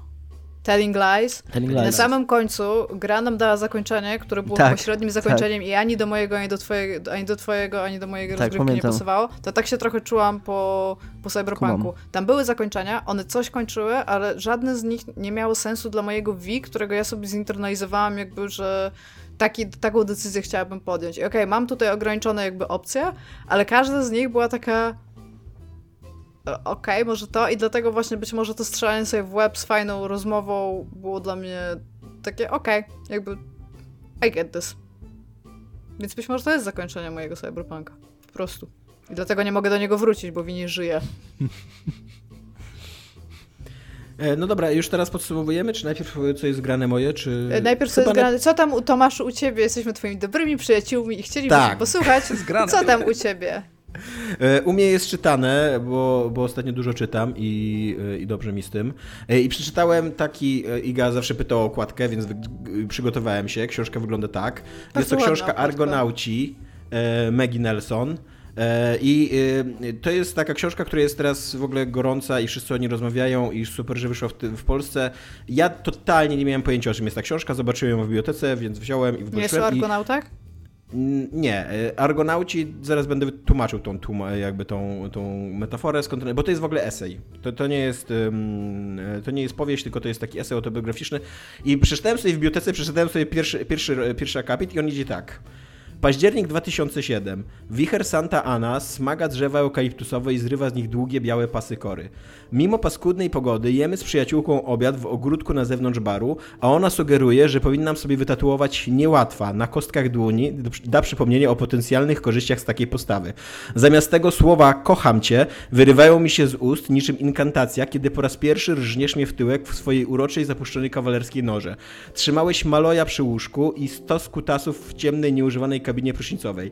Lepiej byś nie może, prawda? Na co masz ochotę? Zapytałeś, a potem poczekałeś na moją odpowiedź. I to był taki jak że powiedziałem, okej, czytam to, co nie? I'm in w ogóle. totalnie, totalnie jestem, jestem zainteresowany. E, To jest esej e, właśnie autorki, która się związała z transseksualnym mężczyzną. E, I, I opisuje swój związek, opisuje jakby jak wygląda życie z, z transseksualnym mężczyzną, jak się układała i jak się układa ich związek, a jednocześnie opisuje swoją ciążę, bo jakby im, im się urodziło dziecko. E, opisuje swoją ciążę w takim bardzo, bardzo intelektualny, ale jednocześnie też bardzo fizyczny sposób. E, I z jednej strony to jest książka strasznie trudna, taka na, na maksa na poziomie uniwersyteckim. W ogóle dziwię się, że popularne wydawnictwo, czyli Czarne, wydało tą książkę, bo e, jak się nie ma w ogóle obcykanej teorii queer i teorii feministycznej, mm, to są bardzo duże fragmenty tej książki, których się nie rozumie. Ja, ja ich nie zrozumiałem, a raczej jakby nie będę dążył w tym kierunku w mojej edukacji, więc podejrzewam, że po prostu jedna trzecia tej książki pozostanie w mojej głowie jako niezrozumiała. Zwłaszcza, że ona wręcz się odwołuje do undergroundowej sztuki queerowej z Stanów Zjednoczonych, która jest w ogóle totalnie niedostępna i nie, nie, nieczytelna w polskim kontekście. Więc mówię, dziwię się, że to wydało popularne wydawnictwo, chyba z powodu popularności tej książki w Stanach. Ale z kolei e, te takie e, autobiograficzne rozkminy właśnie na temat transowości, na temat queerowości, to co ona pisze o swoim związku, o swojej przyszłości i tak dalej, to jest strasznie ciekawe. E, ona stawia queer jakby w opozycji do binarności. Jakby pokazuje, że binarność e, narzuca nam tylko dwie perspektywy i zawsze narzuca nam konflikt między tymi perspektywami. A queer e, to jest takie ciągłe zmienianie się, ciągłe odnajdywanie się w tych punktach pomiędzy tymi dwoma, dwoma skrajnościami. I właśnie stąd się bierze ta metafora argonauci, że argonauci jak, jak płynęli na swoją misję, to mieli ten swój statek Argo mhm. i ta misja trwała tak długo, że oni cały czas go musieli naprawiać i w międzyczasie już go naprawiali tak długo, że on, żadna z części, która wyruszyła w podróż, nie dotarła do, do, do punktu końcowego. Jakby, że, że ten statek cały czas się zmieniał, że, że, że nie jesteś jednym człowiekiem przy, w trakcie swojego życia, tylko jesteś wieloma różnymi, jakby właśnie na, na, na, na, tej, na, tej, na tej takiej osi e, męskie-żeńskie, ty jesteś w wielu różnych punktach, w różnych momentach swojego życia i to jest zajebiście interesująca perspektywa, co nie? Zwłaszcza dla heteroseksualnego faceta, co nie? Tak, tak nagle sobie otwierasz, kurde, co nie? Ile mnie mija w życiu, co nie? Jakby, że że y, y, y, no i, i, i, i tak. I, I w ogóle, że to daje taką wolność, jakby taką wolność poznawania ludzi, otwierania się na, nie, na nich i, um, i jakby rozmawiania z zupełnie innych perspektyw, nie? E, jest to książka bardzo odważna, jakby na takim poziomie autobiograficznym. Ona tu opisuje, tak jak już słyszeliście, na przykład swoją fascynację seksem analnym, nie? którego jest wielką, jest też fanką fistingu, e, więc, więc o tym też jest trochę mowy, tak? Jest na przykład e, bardzo rzadko podejmowany temat e, macierzyństwa jako przeżycia erotycznego, co nie? E, że kobiety na przykład przeżywają orgazm w trakcie rodzenia czasami, albo że twoje relacje z małym, znaczy nie, nie twoje, ale relacje kobiety, bo na przykład nie Szymona i nie, nie, nie Dominika pewnie, ale relacje kobiety z małym dzieckiem często przekraczają taką granicę intymności, którą my rezerwujemy dla seksualnej, że na przykład karmienie piersią potrafi być przyjemne, nie? E, I, i, I to też, ona też zadaje takie pytanie, że dlaczego, skąd my mamy w ogóle to tabu, co nie? Dlaczego, I dlaczego w ogóle to tabu od razu y, buduje takie negatywne konotacje z tym, co nie? Że kobiety się powinny czego wstydzić albo coś, jakby, jak to jest najbardziej naturalna rzecz na świecie, co nie? E, I też jest rewelacyjny, rewelacyjna końcówka tej książki, gdzie ona zestawia swoją narrację z rodzenia dziecka, taką na, na, na, na maksa takim, takim fizycznym, fizjologicznym poziomie, z relacją e, tego swojego męża, z umierania jego matki. E, I, I to jest autentycznie to jest świetna literatura, co nie? Że, że bardzo, bardzo fajnie to jest złączone ze sobą, bardzo fajnie pokazuje jakiś taki cykl życia, pokazuje też przy okazji y, podobieństwo niektórych emocji przeżywanych, przeżywanych w tych sytuacjach. E, więc tak, więc e, jakby bardzo polecam tą książkę, aczkolwiek e, rozumiem, że wiele osób może się o niej odbić. Ja sam się mało co nie, od niej nie odbiłem, musiałem mieć dużo takiego samozaparcia, żeby ją czytać. E, przydałyby jej się, wydaje mi się, przypisy, bo ona, znaczy ona ma przypisy źródłowe, takie, że teraz cytuję tego i tego, ale przydałyby jej się takie odtłumaczowe przypisy omawiające niektóre zagadnienia i tłumaczące o co w tym okay. Tak, tak, dokładnie. Bo odbiłeś się od niej prawie przez jakby skomplikowaność tych tematów i... Tak, tak, bo on, ona tak, ona bardzo często, dokładnie, bardzo często czułem, że brakuje mi wiedzy w teorii queerowej i w teorii feministycznej, bo teorię feministyczną jeszcze trochę liznałem, trochę w, mojej, w moim doktoracie to poruszam, ale tak minimalnie, a teorii queerowej jakby nigdy, nigdy nie, nie zgłębiałem w żaden sposób, nie? I, a ona często wchodzi, wiesz, cytuje ci konkretnych autorów e, i, w, i, i jakby idzie, wychodzi z takiego założenia, że ty, ty wiesz, o czym ona mówi, co nie? Wiesz, wiesz jakby o, o, o, o co chodzi, a ja tak, nie, totalnie nie wiem, przykro mi magii, ale, ale nie, co nie? Po prostu będę teraz czytał przez kilka stron, ale później po prostu zapomnę wszystko, co napisałaś w trakcie tych kilku stron. E, więc tak, Argonauci... A, i jeszcze jest jedna zajebista myśl, którą, którą chciałbym wam przywołać i was zostawić, bo dla mnie była trochę szokująca, ale e, ona tam mm, pisze o... Tak, przywołuje taką, taką artystkę z lat 60., która była biała, i, ale miała czarnego męża i jej dzieci urodziły się czarne. I, i przywołuje myśl tej, tej artystki o swoich dzieciach, że nie ma bliższej relacji niż matki z dziećmi E, że jakby, że one są całe z niej i ona jest cała z nich. Jakby nie, nie możemy sobie wyobrazić bliższej biologicznej relacji niż matki z dziećmi. A jednocześnie ona rodząc te dzieci, e, widząc, że one się urodziły czarne, że jakby, że większość koloru skóry przyjęło od ojca, e, zdała sobie, momentalnie zdała sobie sprawę, że nigdy nie będą dzieliły tych samych doświadczeń życiowych. Nigdy nie będzie dzieliła tych samych doświadczeń życiowych, co, co, co jej dzieci, co nie? Bo tak silne jest stabilizowanie rasy w naszych społecznościach, co nie? I to było też takie, że pomyślałem, kurde, wow, co nie? Zajebiście takie, taki mindfuck, co nie? Taki życiowy, że coś, o czym nigdy nie pomyślałem, a za, totalnie tak jest, co nie? No. Więc tak, więc Argonauci Maggie Nelson y, polecam, dobra książka, a zwłaszcza jeżeli jesteście obcykani w teorii queerowej, feministycznej, to pewnie zrozumiecie z niej dużo więcej niż ja.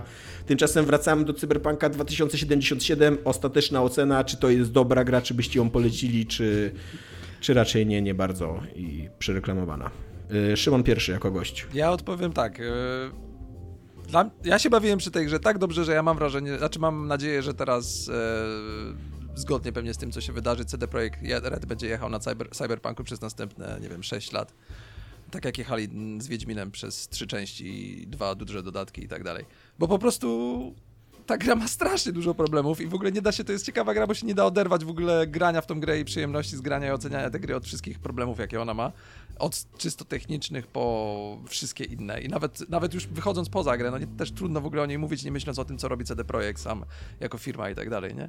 Ale kurde, koniec końców, jak w nią grałem, to się bawiłem rewelacyjnie dobrze. I, i, i nawet pod koniec nie miałem aż takiego dużego znużenia jak w innych y, open worldach, kończyłem ją z przyjemnością. I po prostu na maksa chętnie bym wrócił do Night City, które będzie trochę jeszcze odpicowane e, i, i, i, trochę lepsze, więc y, to jest moja ocena. Ja się bawiłem świetnie w tej grze. Iga?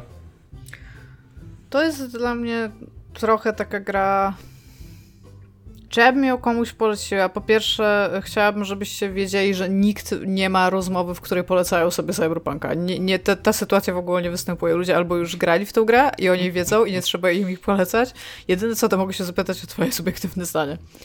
Więc e, mogę powiedzieć, że moje subiektywne zdanie jest takie, że e, jakby im więcej czasu mija, tym, tym więcej ją zapominam, ale pamiętam o jakichś tam dobrych rzeczach, więc, więc to chyba jest ok. E, poza tym zupełnie, e, zupełnie widzę, jak bardzo, bez, jak bardzo w ogóle bez, bezwiadomościowa ona jest, w sensie, że ona nie daje ci żadnej, żadnej informacji, żebyś z nią pożył, przetrawił i tam ten, więc to, to jest trochę minus. A jak wydadzą DLC, to, to jest może najlepsza odpowiedź. Jak wydadzą DLC, to najprawdopodobniej wrócę, żeby to DLC zobaczyć, ale nie mam żadnego powodu, żeby do niej wrócić tak po prostu teraz, kiedykolwiek. I ja już jakby swój czas w Night City zrobiłam, wyszłam na spacerniak i wyszłam za ścianę i tam jest więcej gier. I no i to na pewno nie, na przykład nie będę pamiętać tak dobrze, na, nawet z punktu projektu przestrzeni, questów i tego wszystkiego jak Outer Worlds, które moim zdaniem jest idealną grą 7 na 10 i to też może coś powinno powiedzieć jest dużo gorzej zdesignowaną grą niż mały RPG, jakim jest Outer Worlds. Dominik? Y, ja mam chyba podobnie jak Szymon, to znaczy ja mam mnóstwo ostrzeżeń do tej gry, do tego stopnia, że jakby, mm, ja nie będę jaki gej odpowiem na pytanie, które zadałeś, y, ja bym jej, ja bym nie polecił, ja bym jej nie polecił y, tak z czystym sumieniem nikomu w tej chwili, ponieważ jest ona ewidentnie nieskończona i są z nią ewidentnie problemy takie, że mówię, że ja musiałem dać bardzo dużo od siebie, więc ja bym nie chciał nikomu mówić tak, że tak, graj w tą grę, ale musisz jakby... To jest, musi być bardzo świadoma decyzja i taka bardzo y, z takim mindsetem, że ja będę teraz robił co najmniej tyle samo roboty, y, żeby mnie ta gra bawiła, co ta gra będzie robić, żeby mnie bawiła. Ale nie mogę uniknąć, jakby ucieknąć od tego, od faktu, że, że przez te kilka tygodni, kiedy grałem tę grę, autentycznie wciągnęła mnie do swojego świata tak, że, że czułem się jego częścią, mimo tego, że ten świat albo nawet, nawet na przekór prawie, że, że ten świat nie chciał, żebym był jego częścią, że ten świat na każdym kroku mi przypominał, że nie jestem jego częścią i że nie jest światem. To z jakiegoś powodu, to jest, powraca ten temat bycia czymś więcej niż sumą składowych. Z jakiegoś powodu ja się czułem, jak rzadko kiedy w grach, yy, że, że, że, że żyłem drugim życiem grając tą grę. I to jest coś, czego ja bardzo szukam w grach. Mm, I co bardzo rzadko, mając tyle lat, ile mam i tyle gier na karku, bardzo rzadko już mm, się przeżywam coś takiego, że nie tylko, że się wciągam w grę i, i gram w nią, bo bo, bo tam no, no jestem wciągnięty w jej akcje, czy w jej mechanizmy, czy nawet w fabułę, ale że do tego stopnia, że zaczynam autentycznie żyć tym życiem i, i, i myśleć o tych problemach, które są w grze jak o swoich problemach i, i z tego powodu ona ze mną zostanie i na pewno chętnie do niej wrócę, jak, jak będzie DLC, tak. A ty, Tomaszu? E, i- ja mam tak jak Dominik trochę, że jakby nie da się zaprzeczyć i nie, nie, nie jestem w stanie zaprzeczyć faktowi, że bardzo dobrze się bawiłem grając w tą grę. Pomimo wszystko, jakby. Pomimo wszystko ona bardzo głęboko we mnie weszła, bardzo mocno się zżyłem z postaciami, bardzo byłem zainteresowany tym, co się wydarzy i te dwa tygodnie, bo ja grałem trochę krócej i bardziej intensywnie niż Dominik, te dwa tygodnie żyłem tą grą, nie? Uważam, że to jest dosyć cyberpunkowe, że to jest gra, o której nie da się rozmawiać w oderwaniu od jej stanu technicznego. Jest dużo w Jakby, ogóle że- że kwestii ona- takich mocno cyberpunkowych związanych z tą grą, które są tak zajebiste Tak, poza i- samą grą, że... I, i, tak, i jej premiera też jest Tak, bardzo cyberpunkowa w zachowaniu korporacji, która ją wydała.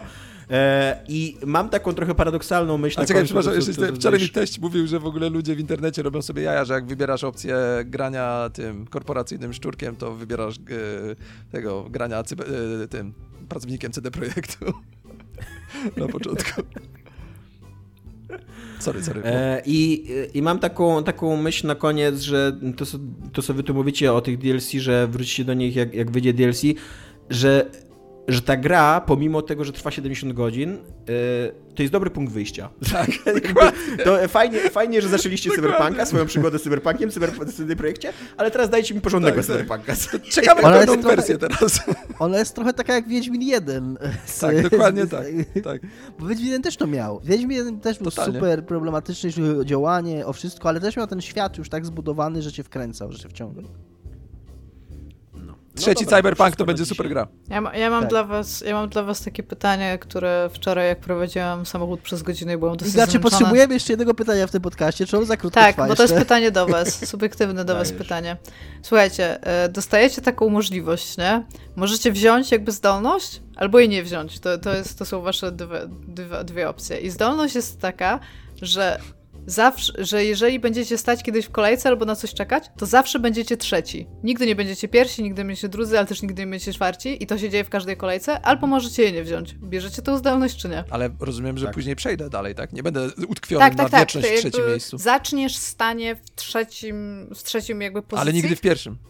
Nigdy w pierwszym, nigdy w drugim, ale też nigdy w czwartym ani dalej. Zawsze będziecie trzeci. Biorę, totalnie biorę. Ja też totalnie biorę. Ja też totalnie biorę.